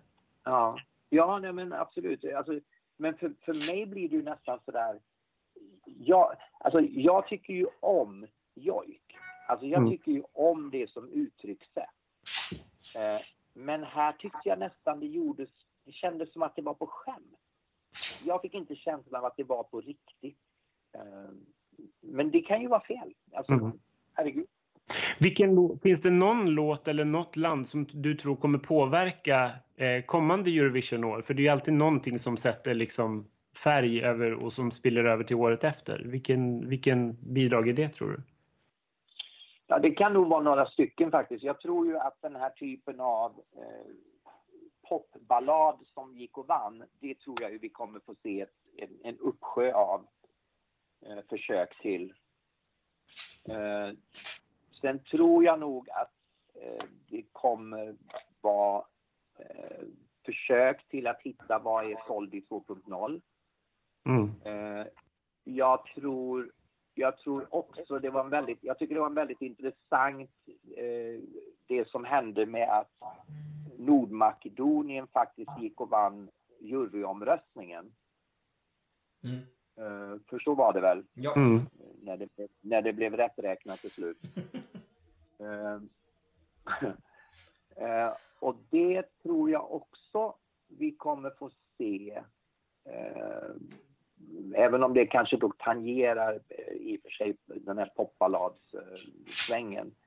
Eh, de var ju inte, de var inte direkt lika men det, var, det är ju lite ändå eh, samma seriositet på något Mm. sätt över musiken och framträdandet. Jag måste säga att min årets besvikelse är nog Eurovision-juryn. Inte så mycket för att man kan åsikta åsikter om att Nordmakedonien vann, men när jag ser, eh, när jag såg på omröstningen och sådär, det känns som att de har blivit det där som man ville få bort med folket tidigare när vi var på 00-talet. Att det är mycket, du vet, så här, taktikröstningar känns det som. Det är mycket så här, alltså Italien gav alltså Danmark sin tolva. Fanns det någon mer meningslös låt i finalen än Danmark? Vad hos en jury kan känna att Danmark var liksom den låten man skulle ge? Eh, och också det här Cypern, Grekland ger till varandra, grannländer. Den finns ju hos, hos juryn. Kan man komma, alltså, sen är jag ju också helt på spåret att jag hade nog, jag såg ju gärna att någonting annat vann än Norge. Så jag vill ju absolut inte ha tillbaka eh, bara publikröster. För då finns det också andra faktorer. Men vad, kan man på något sätt, vad är det som gör hos juryn att det blir så, att man ändå känner att det liksom är någonting där som inte riktigt känns rätt? Men, men har man, alltså för att, för, att, ja, för att gå in i den diskussionen så måste man nästan ha framför sig, okej, vad var topp fem? Mm. När man slår ihop alla jurygrupperna. Utan att isolera titta på en och en så måste man ju se till helheten. Eh, vad, vad var det de röstade på? Ja, de röstade på Nordmakedonien, de röstade på Sverige. Vad röstade de på mer? Har du det i... Ja, men de, eh, de röstade ju på... Sen röstade de, sen efter det kom ju Holland och Italien. Så att visst, där, det... Ja. ja. Ja, men så slår man ihop då de, den samlade juryinsatsen så, så ligger den ju rätt nära Mm. vad som kan betraktas som god kvalitet, Mm. skulle jag säga. Sen kan man ju diskutera om vad som är etta och vad som är tvåa, trea, fyra, femma. Men om topp fem representerar det som man ändå tycker var kvalitativt bäst ur ett professionellt hänseende, då tycker jag att man är så nära man kan begära. Ja, det kommer alltid finnas människor, speciellt när det är små, så små grupper, så kommer du få lite märkliga resultat då och då. Eh, för att en grupp, jag menar det räcker ju att titta på den jurygruppen som, som då röstade för Italien 2012 som inte gav Loreen några poäng. Det kan man ju också diskutera. Är, är det ens möjligt Mm. att hitta en jurygrupp som inte tycker att den är topp 10 i det startfältet? Alltså, ne- nej, det, det borde inte gå. Eh, Så att Italien har ju eh, inte helt, alltså de har rätt aparta resultat ofta i sin jurygrupp skulle jag säga. Mm. Eh, så att jag, men, men totalt sett så skulle jag säga att, och jag tror faktiskt att jag har fog för det, att skulle vi titta på de senaste fem årens jury, samlade juryresultat så är de rätt bra på spåret ändå. Mm. Även om du går in och tittar på en och en så ja, så finns det avvikelser som man kan diskutera. Men inte minst i Sverige ska vi påminna oss om faktiskt. Mm. Det har ju förekommit här också. Det, då får jag lägga till en annan sak som är lite årets trend som ju är som på något sätt Eurovision har smittats av oss i Sverige kan man väl säga. För sen vi skaffade appen så har ju bara killar vunnit och i år var ju topp fem eh, i Eurovision män också. Och det här är ju väl en större fråga kan jag tänka mig. Men det, det är lite, vad, är det, var, varför glider vi i Sverige mot att bara rösta fram killar tror vi? Och nu är det liksom lite samma sak där. Och, det här, om man ska vara helt uppriktig då, så är det ju så att när man lyssnade på eh, samtliga bidrag första gången så var det ju så att man direkt kunde konstatera, shit, topp fem kommer vara killar. Och, så att det handlar ju också om vad, vad det är som vinner på hemmaplan så att säga. Vad, vad, vad är det som gör att just nu är de starkaste materialen från killar? Eh, och det är ju bekymmersamt om det är någonting som fortsätter. Eh, men, men det har mer att göra med att det faktiskt var så att de, de, de bästa låtarna var med manliga artister i år. Så var det ju. Mm. Och, och de, dessutom var de så olika. Det var ju det som var intressant också. Det var, och det var också det som gjorde att man såg att Sverige kommer ju få problem i slutändan därför att det fanns liksom den unga popkillen med dans. Det fanns den snygga balladen, den allvarliga snygga balladen. Det fanns den moderna, supermoderna låten med Italien. Det fanns den österländska, bombastiska, stora balladen som plockar alla dem. Och kvar fanns det en, en svensk kille med, med en gospel. Och, och då vet man det liksom att ja, alla kommer gilla den här. Men alla kommer verkligen inte ha den som etta. Mm. Utan man har, man har sin favorit i någon av de där tydliga eh, genrefacken. Och sen så, ja, så gillar man ju det här för det är bra. Eh, så att det, det, var, det var ett väldigt intressant år på det sättet. Eh, det, att det fanns verkligen fem riktigt bra killakter och de var otroligt tydliga de andra i sin genretillhörighet. Nästa år kommer du inte att jobba med Eurovision lika mycket som, som tidigare nu eller? I år kommer jag inte jobba med Eurovision alls mer än som Head of Delegation. Var det självklart att du fick ta den rollen nu när du kom tillbaka och inte hade något annat? Eller var Karin lite sådär, äh, tar du min, tar du min roll? Nej, men, men så, är det ju, så är det ju inte riktigt. För att jag är ju, alltså i, i mitt kontrakt så är jag ju eh, alltså Head of Delegation tills mitt kontrakt går ut. Så att i, om jag inte jobbar för Eurovision, då delegerar jag rollen till någon annan. Mm. Eh, så, så, att det är egentligen så att det är jag som har delegerat min roll som Head of Delegation till henne för att jag har varit contest producer. Mm. Så att det är inte så att jag, det är inte så att jag tar hennes, utan jag, jag, tar tillbaka, jag tar tillbaka det som jag egentligen ska göra eh, enligt kontraktet. Så att, eh, det är så det är. Känns det konstigt att inte vara den som styr längre? Nej, nej. Alltså, inte ett dugg. Eh, jag, jag har ju gjort det där nu i fyra, eller fyra år i rad. 16, 17, 18, 19, ja, fyra år i rad. Eh, det ska bli askul att åka med den svenska artisten eh, och kunna ha tid och faktiskt träffa människorna runt omkring. Alltså vi, vi hinner, när man jobbar med det så hinner man ju inte träffa någon överhuvudtaget. Det är liksom eh, ju, ju, mer kul ni har desto mer sitter vi ju i liksom viewing room och sliter vårt hår för att få ordning på alla bilder, allt ljus och alla kameror. Så att det är liksom, det är en helt annan det är en helt annan upplevelse att vara på plats med ett lag eh, där du faktiskt har tid att, att träffa människor som, som är där för att, för att umgås och, och, och få en upplevelse av det här. Så att, nej, det ska bli underbart.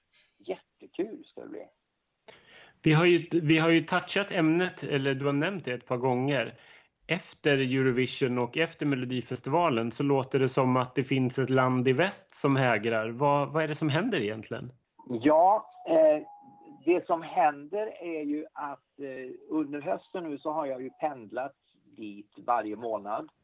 Och det vi har gjort under hösten är ju att vi har alltså eh, ut, sysslat med utvecklingsarbete där vi har alltså eh, omformaterat grundformatet till att passa eh, den amerikanska marknaden helt enkelt.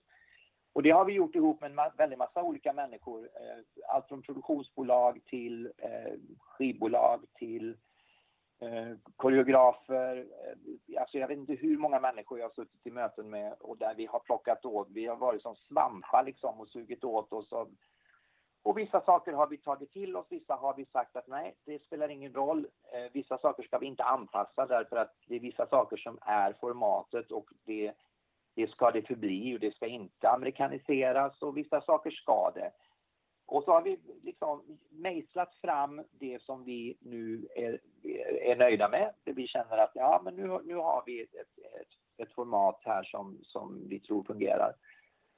Och nu det senaste som har hänt är att vi har då haft möten med agenter, för det måste man ha där borta. Det, det är ett sånt där mellanled i, i underhållningsbranschen som, som är otroligt dominant där borta, som, som man faktiskt inte kan göra det här utan. Eh, så det, det är där vi är nu och sen så under vintern och tidig vår kommer vi att gå in i pitch mode där vi då ska presentera den här här, den här formatidén för en massa olika aktörer som skulle kunna vara möjliga samarbetspartners för oss. Och det, det är allt från traditionella networks till eh, sociala plattformar som skulle kunna vara aktuella också. Så att vi, vi, vi får se var det landar. Än så länge så har vi inte sprungit på någon stor hiccup. Eh, vi, eh, det, det, går faktiskt som på räls, även om jag tycker att det går väldigt sakta. Eh, jag trivs inte riktigt med att jobba så sakta, men, men i det här fallet så är det det enda valet. Utan det är bara att ta det lugnt, sitt still i båten, låt det ta den tid det tar och sen får vi se. Jag skulle tro att vi framåt mm, sommaren eh, vet om det här blir av. Eh, någon gång eh, mellan maj och september skulle jag tro att vi, vi vet. Eh, och det är skitkul. Det är, det är jättespännande och det är fantastiskt eh, roligt, utmanande, eh, komplicerat eh, men superhäftigt att, att bara få uppleva det. Eh, jag träffar kreatörer som, som jag bara har liksom sett i eftertexter tidigare som är, som är på på en fantastisk nivå. De har gjort liksom allt från Oscars till Emmys till olympiska eh, öppningar till eh, alltså allt stort som har varit på tv är de här människorna inblandade i. Och att bara få sitta i en workshop med dem är helt, helt fantastiskt och väldigt stimulerande. Det, det är alltså liksom, det är ett amerikanskt Eurovision helt enkelt? Ja. Eh, Eh, ja, det är det. Men det är en hel tv-säsong, eh, är tanken. Så att det okay. blir egentligen det blir en kombo av Mello och Eurovision faktiskt. Om man ska eh, spalta upp det med ord som är begripliga för, för någon här. Mm. Eh, det, blir, det blir det. Tack vare att det är så många stater så, så måste det delas upp på, på pass. Så det blir som en, en uttagningsresa över USA Eh, och som mynnar ut i eh, två veckor på samma plats som precis som för Eurovision faktiskt. Så att det, det, det finns en, en, en, dramaturgisk båge i det som, som påminner om eh, Melloresan som leder till Eurovision. Mm. Men är det liksom, är det som en talangtävling med nya akter eller är det liksom så här, nej men Cher dyker upp och ska tävla med en låt? Det är inte tänkt alls som en talangtävling på det sättet. Det, det, där är det också väldigt likt det vi har i Europa och i Sverige att det kommer vara namn som är eh, ready to launch som, som, som de kallas för. Alltså att, att det, är, det är artister som är upplockade av skivbolag men de har inte riktigt hittat den där rätta plattformen, de har inte hittat den där rätta låten just, eller sammanhanget för att, att lansera dem. Eh, det finns en uppsjö av One Hit Wonders i mm. USA mm. eh, som, som är bara en, en, en guldgruva att gräva ur. Eh, det finns eh, förstås också ännu mer eh, kära återseende artister som, som, än, än vad vi har. Mm. Eh, så att det finns ju ett väldigt stort, ett stort behov av någonting där borta som faktiskt kommer med ny musik. Mm. Alltså de har ju haft en massa tävlingsformat eh, under många, många år nu som alla lutar sig mot eh, redan befintligt material. Mm. Eh, och de, de, vi, vi, märker ju det när vi, när vi är runt och pratar om det här att just detta att det är originalmusik är ju otroligt lockande. Eh, så de, de är väldigt positiva i, till grundidén och till grundtanken. Mm. Och så, så här långt så tror vi att skivbolagen eh, kommer att vilja jobba för att det här ska fungera. Det är den känslan vi får. Mm. Spännande. Underbart. Ja, det är väldigt, det är väldigt spännande. Sjukt kul. Vi kommer säkert ha massa anledningar att prata massa om det framöver också med dig. Kanske bara det vi får prata med dig om om några år då. Eh, när du sitter där borta och är mångmiljonär och tittar på dina, tittar tillbaka. Ja, jag kan, vi kan börja med så långt att jag, jag, jag, alltså så här långt. Jag skulle vilja verkligen att det blev av och jag ser oerhört mycket fram emot att ta emot er eh, som gäster på den första eh, deltävlingen eller finalen, vilket som. Oh. Det, vore, det vore ett magiskt ögonblick faktiskt. Ja, verkligen. Den, den smäller högre än när Jon Henrik bjöd upp oss till att jaga björn i fjällen. Även om det var härligt också. det, det, var, det var väldigt härligt. Det var, det var en väldigt härlig inbjudan också. Men jag tänker att den här kanske kändes lite mer slagen på filerna. Eh, på något sätt i alla fall. I- innan vi avslutar så, så här, vi bruk, när vi gör de här poddarna nu för tiden, det här är ju en speciell då med årskrönika och grejer, så brukar vi göra en podd eh, om ett specifikt år eh, i Melodifestivalen och vi har grottat igenom så här, vi- vad- om vi skulle göra, du skulle få välja en Melodifestival genom tiderna som vi skulle göra en podd om, vilken skulle du välja då? Finns det något år som du tänker det här skulle jag vilja höra en podd om? Ja, 1968. Jäklar. Varför det? Eh, därför att det var, det var den första som, eh, som signalerade en ny tid. Alltså det, det hade varit liksom eh, oerhört mycket märkliga, konstiga försök till att få, få en form på det här. Eh, och vi vet allt det där med att det var två artister, de sjöng till olika stora orkester och en tredje åkte iväg och sen var det något år när eh, när det var artiststrejk och då var det ingenting och sen året efter det var det en operasångare som sjöng allting. Och sen så började man liksom mejsla fram eh, det här som blev modellen för väldigt många år med tio låtar en kväll. Och just 68 var den första som var i färg. Det var första gången som det var en poplåt på svenska som vann. Det, det var väldigt mycket där som var väldigt speciellt, tyckte jag. Det var, och sen var det ju rakt ner i bing. Det var ju då jag blev kär i tävlingen. Så för mig är det ju liksom bara the greatest year ever. Vi, vi fick också den första bögduetten, Svante Turesson och Östen Warnerbring som sjöng Här kommer pojkar. ja!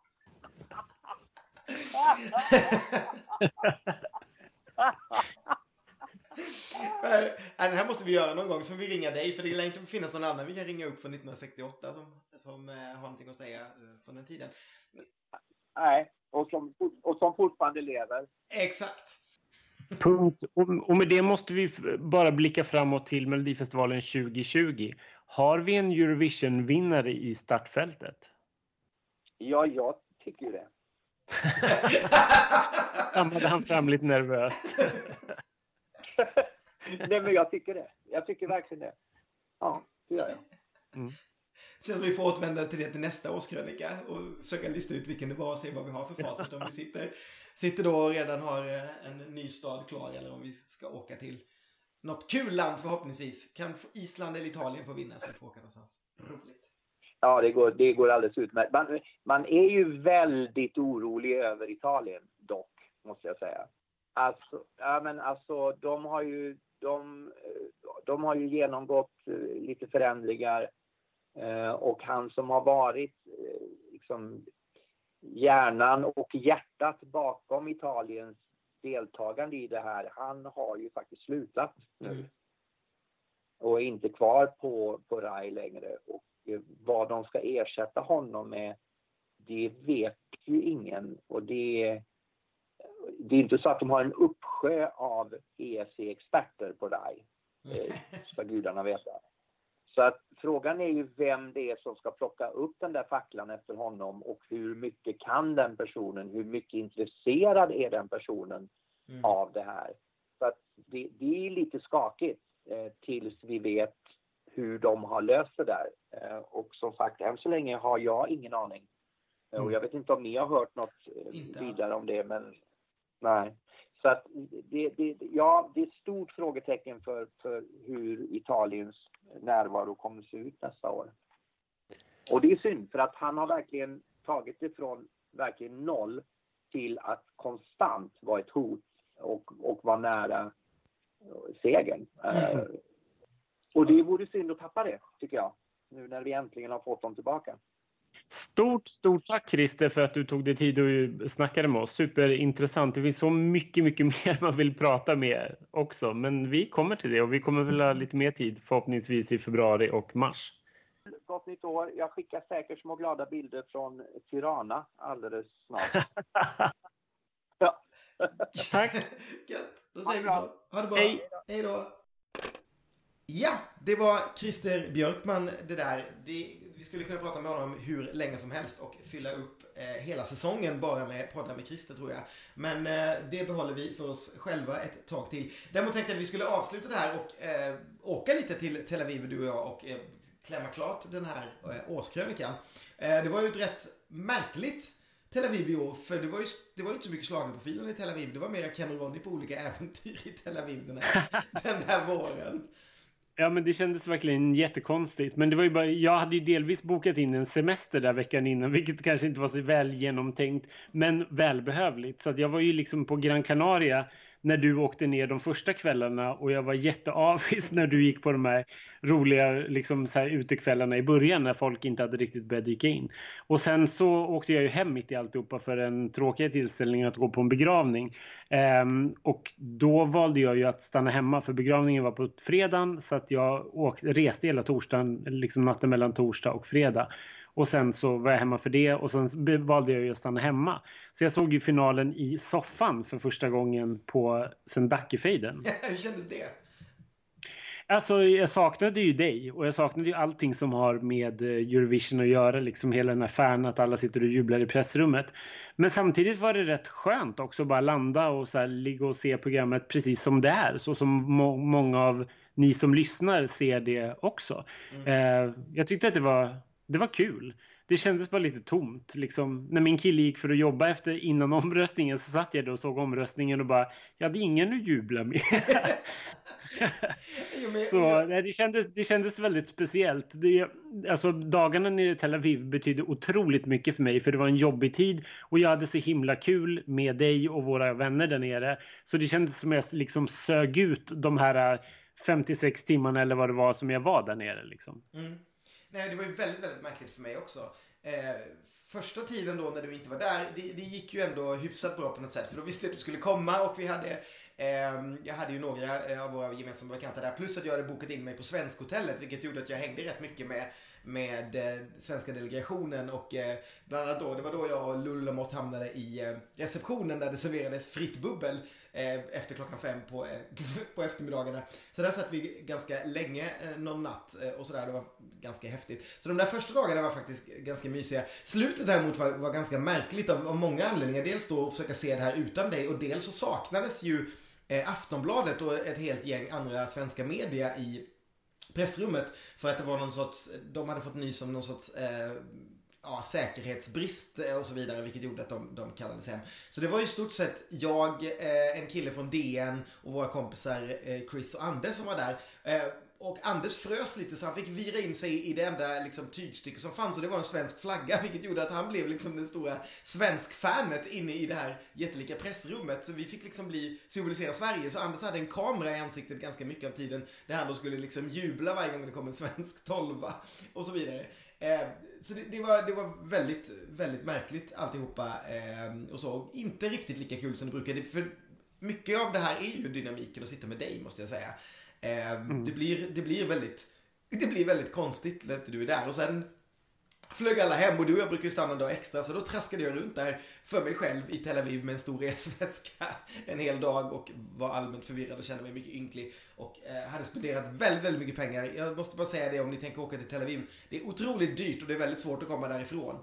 Eh, ungefär. Det är min samma tagna look av Tel Aviv.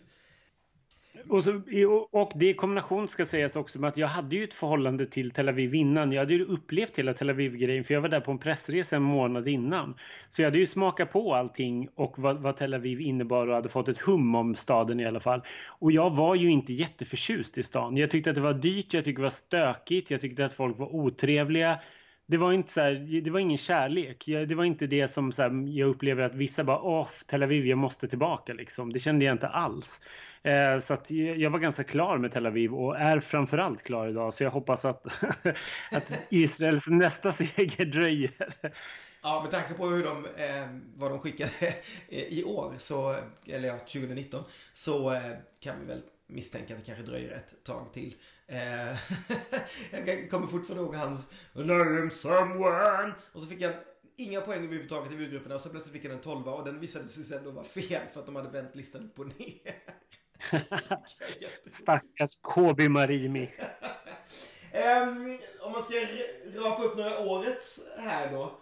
så eh, ja, vad ska vi säga? Årets, årets tråkigaste hittade jag här till exempel. Och det, är, det är för mig någonting så här helt eh, det, det är förmodligen en låt som ingen av er kommer ihåg. Men den, det är en låt med, jag tror att det var Lettland som hade en grupp som heter Carousel. Som gick lite så här, wow, oh, oh, någonting sådär. Och det, det är så meningslöst. Det, det, det, är så meningslöst. Så att, alltså, när jag såg den så blev jag så här, gud, man kommer ihåg att den existerar för vi pluggar ju de här låtarna ganska eh, mycket innan. Men när man ser det, alltså det står bara en kvinna rakt upp och ner framför ett band som inte spelar live och sjunger en sån här helt meningslös låt. Och jag blir så här, varför lägger liksom länder ner så mycket pengar och har uttagningar och så skickar de en sån här grej som inte kan komma någonstans. Det, det är verkligen det absolut tråkigaste jag vet. Det är så här verkligen tre minuter man aldrig får tillbaka. Eh, och de är rätt viktiga de där tre minuterna när man sitter och tittar på 42 olika länder. Jag håller ju helt med. Jag, om, jag, om jag ska dra en egen lapp så, tänker jag, så vill jag ju begära upprättelse då för eh, Christers eh, oförståelse för Spirit in the Sky som jag tycker är årets låt jag är så kär i den, jag älskar den så mycket. Jag eh, blev så glad att den, att den var med i den här fantastiska Eurovision-buketten som vi eh, bjöds det här året. Eh, gjorde mig jätteglad, till skillnad från Christer också, att den fick så mycket poäng från, eh, från folket. Sen om den skulle vinna, nej, det, jag åker inte gärna tillbaka till Norge. Och det, jag tycker att det, det, var en helt, det, var en, det var en bra, rimlig vinnare tycker jag i år. Men Spirit in the Sky gjorde mig otroligt glad i år i alla fall. Och det är just hela den här grejen med att när den vann i Norge så var jag så osäker på, vann den, vann den inte? För det var så många moment där så att jag gick där i Nyköping på väg till någon efterfest och man hörde så olika bud från olika håll och bara nu har den vunnit, nej den har inte vunnit, ja, men nu har den vunnit. Och det är, en av, det är min mest spelade låt på Spotify i år så att eh, för mig är det helt klart årets låt. För mig är ju årets låt eh, förmodligen samma som Christes, alltså Soldi. Och det är, det, det är den absolut mest spelade låten som jag har på min Spotify i år också. Jag älskar den där låten. Jag älskar uppföljaren han gjorde också. Jag älskar honom. Bilden som, som du har, som du tog på mig och honom eh, när jag skulle sätta mig bredvid honom för att, jag, jag, vet inte riktigt men du lyckades fånga ett ögonblick där det ser ut som vi typ är kära i varandra och bara sitter och, ja, det, det, det är en sån himla fin bild. Den drar jag fram ibland när jag känner mig lite ledsen när man sitter på jobbet och tänker vad fan håller jag på med i mitt liv? Så plockar jag fram den här bilden och bara, mm. Eh, och jag, jag faktum är att till och med, jag har en, en kollega som driver en podcast ihop med sin pojkvän och de pratade om den där bilden i sin podcast och de var så oerhört avundsjuka på dig och mig som hade fått träffa honom när vi var i Tel Aviv. Eh, och jag, jag, jag älskar Mahmoud. Jag tycker att han är en, eh, ja, jag gillar allting med det där. Så han får bli både årets man och årets låt eh, för mig. Sen får du bli årets sidekick, för du var ju faktiskt inte bara sidekick till mig i år. Det har vi inte nämnt ännu. Nej, precis. Just det. Det, jag, det roliga är att jag glömmer bort det här emellanåt. När så här, 2019, det är så mycket annat som har hänt och som så här, jobbiga grejer och man har varit så stressad för jobb. Men så här, mitt i alltihopa det här, så, eller inför Eurovision så var jag sidekick till eh, Marika Karlsson när hon ledde eh, Studio Eurovision i SVT. Det här inför-programmet där vi tyvärr inte gick igenom så mycket låtar som jag kanske personligen hade velat. För jag hade nog velat se framåt och prata mer om programmet som eller om Eurovision och de låtar som skulle tävla. Det blev ganska mycket tillbakablickar och mycket diskussioner runt omkring. Vilket också var kul ska sägas, för det tycker jag programmet kanske ska innehålla. Men in, inte på bekostnad av att man pratar om de låtarna som ska tävla. Men det var en jätte, jättekul upplevelse verkligen eh, att få göra det här och eh, jag hade jätteroligt och framförallt var det roligt att vara med och påverka så mycket jag ändå kunde eh, när det gällde innehållet och gäster och så liksom. Så att eh, det, det, var en eh, superupplevelse för mig. Nice. Eh, vi har en lapp här som det står årets mest saknade, men jag, jag tänkte plocka upp årets minst saknade. Och det måste ju vara hon den här sandriterskan från Ukraina som dök upp i år igen i ett annat nummer. Man bara, har de helt slut på idéer nu eller när de börjar plocka fram liksom samma sak igen. Det måste ju finnas andra människor som har vunnit talang i den här kontinenten som skulle kunna krypa upp bakom. Det är väl någon som kan lösa en kub med fötterna eller någonting Eh, på storbild liksom. Nej men då tog de den här sandritaren igen. Nu gick inte det så speciellt eh, bra kanske men, men ändå. Vil, vilken perfekt övergång då, eh, vad jag har till årets mest saknade. Alltså förlåt, men jag älskade ju Moldaviens Anna Odubescos Stay där de just hade Sandriterskan. Det, det var ju en, det är en så jättefavorit för mig i efterhand som jag spelat jättemycket. En väldigt härlig slagerballad som hamnade på en tolfte plats i den andra semin som jag jättegärna hade sett i final. Så eh, heja Moldavien! Men Moldavien brukar vara rätt härliga. Mm, de står nästan på listan till ett land som vi kommer hamna i säkert fast vi inte vill. Eh, när vi minst anade. Eh, och på tal om det så skulle jag vilja säga att det jag saknade mest var nog kanske en, en isländsk vinst. Jag, tro, jag trodde verkligen att de kunde haft chansen så här innan vi kom ner till Tel Aviv. Sen när vi väl var där så kände man nog att okej, okay, de har ju någonting på gång. Det är ju liksom en, kanske en topp 10 placering här men, men eh, någon vinst blir det nog inte. Men jag hade satt nog rätt mycket pengar där någonstans. Jag kommer inte ihåg vilken stad det var när jag fick eh, Hatari skickade till mig, Hatari skickade till mig för eh, första gången. Eh, ja, det, och det var ju kul. Jag måste ju ändå säga att jag tycker mycket när vi pratar om så Eurovision och hur det går väl i slutändan. Det är så många länder som tävlar, så mycket händer, läng händer, händer längs vägens gång. Så måste jag säga att jag tycker delvis att det blev en väldigt bra final. Jag tycker det är bra låtar i final. Ehm, jag tycker också att det blev en väldigt bra topp 10 ändå. Jag är, så här, jag är ganska nöjd för en gångs skull. Det är så här rimliga låtar. Allt ifrån liksom Hatari till, till Norge, till Nederländerna som vann och att Sverige självklart var där. Men även liksom Schweiz, självklart då Italien, Azerbajdzjans snygga låt Truth som jag tyckte var jättebra. Ehm, det var så mycket som jag tyckte var så rimligt liksom. Förutom eh, Tamara Todevskas eh, eh, Proud från Nordmakedonien. Som, vann, som vi pratade om som vann juryrösterna. Alltså, nej tack säger jag. Ja, det, det, var bara så här, men vad är det som fick folk att helt plötsligt falla för det här? Jag vet inte. Det känns som att den här skulle kunna komma på en elfte plats i, i semin. Och helt plötsligt så bara blir det en jättebra placering. Jag, jag måste säga att jag både, både eh, Alltså både Keino och Nordmakedonien, att de vann publikrösterna respektive juryrösterna. Jag hade aldrig trott det innan vi, alltså, det, jag hade inte trott Nej. på det liksom fem sekunder innan programmet började. Eh, på finalkvällen. Och jag menar lite koll brukar man ändå ha och kunna veta ungefär. Och vi hade ju koll på typ allt annat. Men jag hade aldrig prickat in det där. Jag trodde att Norge var en enorm fanwank som är en sån som Eurovision.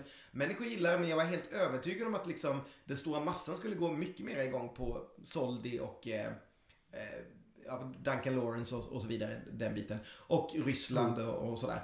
Och jurygrupperna, när, när började de hitta Nordmakedonien? Liksom? Det är ett land som aldrig brukar gå till final. Ja, det är så konstigt vad det var där. För för jag, jag jag ser inte riktigt vad det är heller. Det är en hyfsad låt med visst ett aktuellt budskap, men hur många bryr sig om det i vanliga fall? Hallå Kane, det är liksom, vadå, Spirit in the Sky. Um, och liksom, och hon sjunger väl bra, men inte bättre än någon annan. Jag är inte riktigt med, jag bara förstår fortfarande inte det Nordmakedonien. Men, mm. Mm. Sen, så, men däremot så, ännu mer vill jag nog klaga på Rysslands tredje plats med Sergej Lazarevs mm. Scream, som jag tyckte var helt oförtjänt i det här liksom väldigt starka startfältet. Jag bara, på något sätt känns det som att bara, ah, det, är, det är ett bekant namn, ah, det är Ryssland, ah, men då, då får den liksom, det röstar vi på. Mm. Jag tycker bara att nej, jag tycker, jag tycker inte numret var speciellt snyggt heller. Det känns bara, nej det tyckte inte jag var något kul. Däremot var det ju bety betydligt enklare att förstå att tyska Sisters med Sister kom på 25 plats och direkt efter det stackars Storbritannien som det aldrig går bra för i de här sammanhangen med Bigger than us med Michael Rice, liksom John Lund, den John Lundvik skrivna låten. Nej, det, nej precis. Där, där skulle jag vilja lägga in årets överraskning. Det är ju absolut inte att Tyskland kom näst sist, utan den stora överraskningen var att de inte var systrar, fast, man, fast de sjöng, de hette Sister som sjöng en låt som hette Sister. Eller hur nu, ja. Mm. Så det, det var väl det största över. Ja, förutom att San Marino gick till final. Den är ju också... Den var också ganska oväntad måste jag säga. Ja, det var inte många som trodde. Nej, det var det verkligen inte.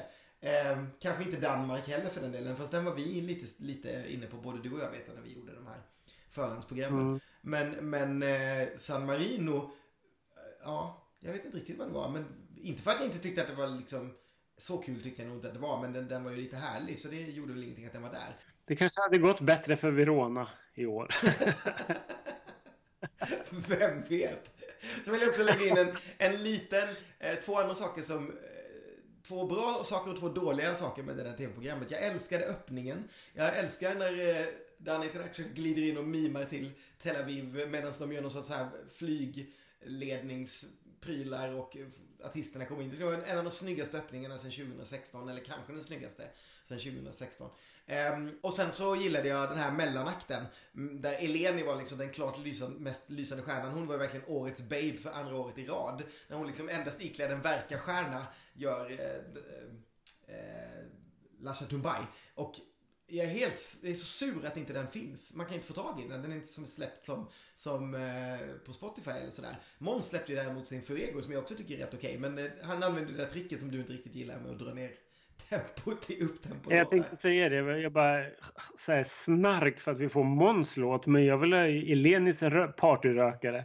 Det, det tycker jag inte var kul. Men alltså vi är väl kanske lite oense men också ense. Men jag har skrivit som årets trend så jag har skrivit att folk röstade rimligt under, genom hela året. Först i Mello tycker jag att folk, rätt låtar gick ju till final och mm. vi fick en jättebra final.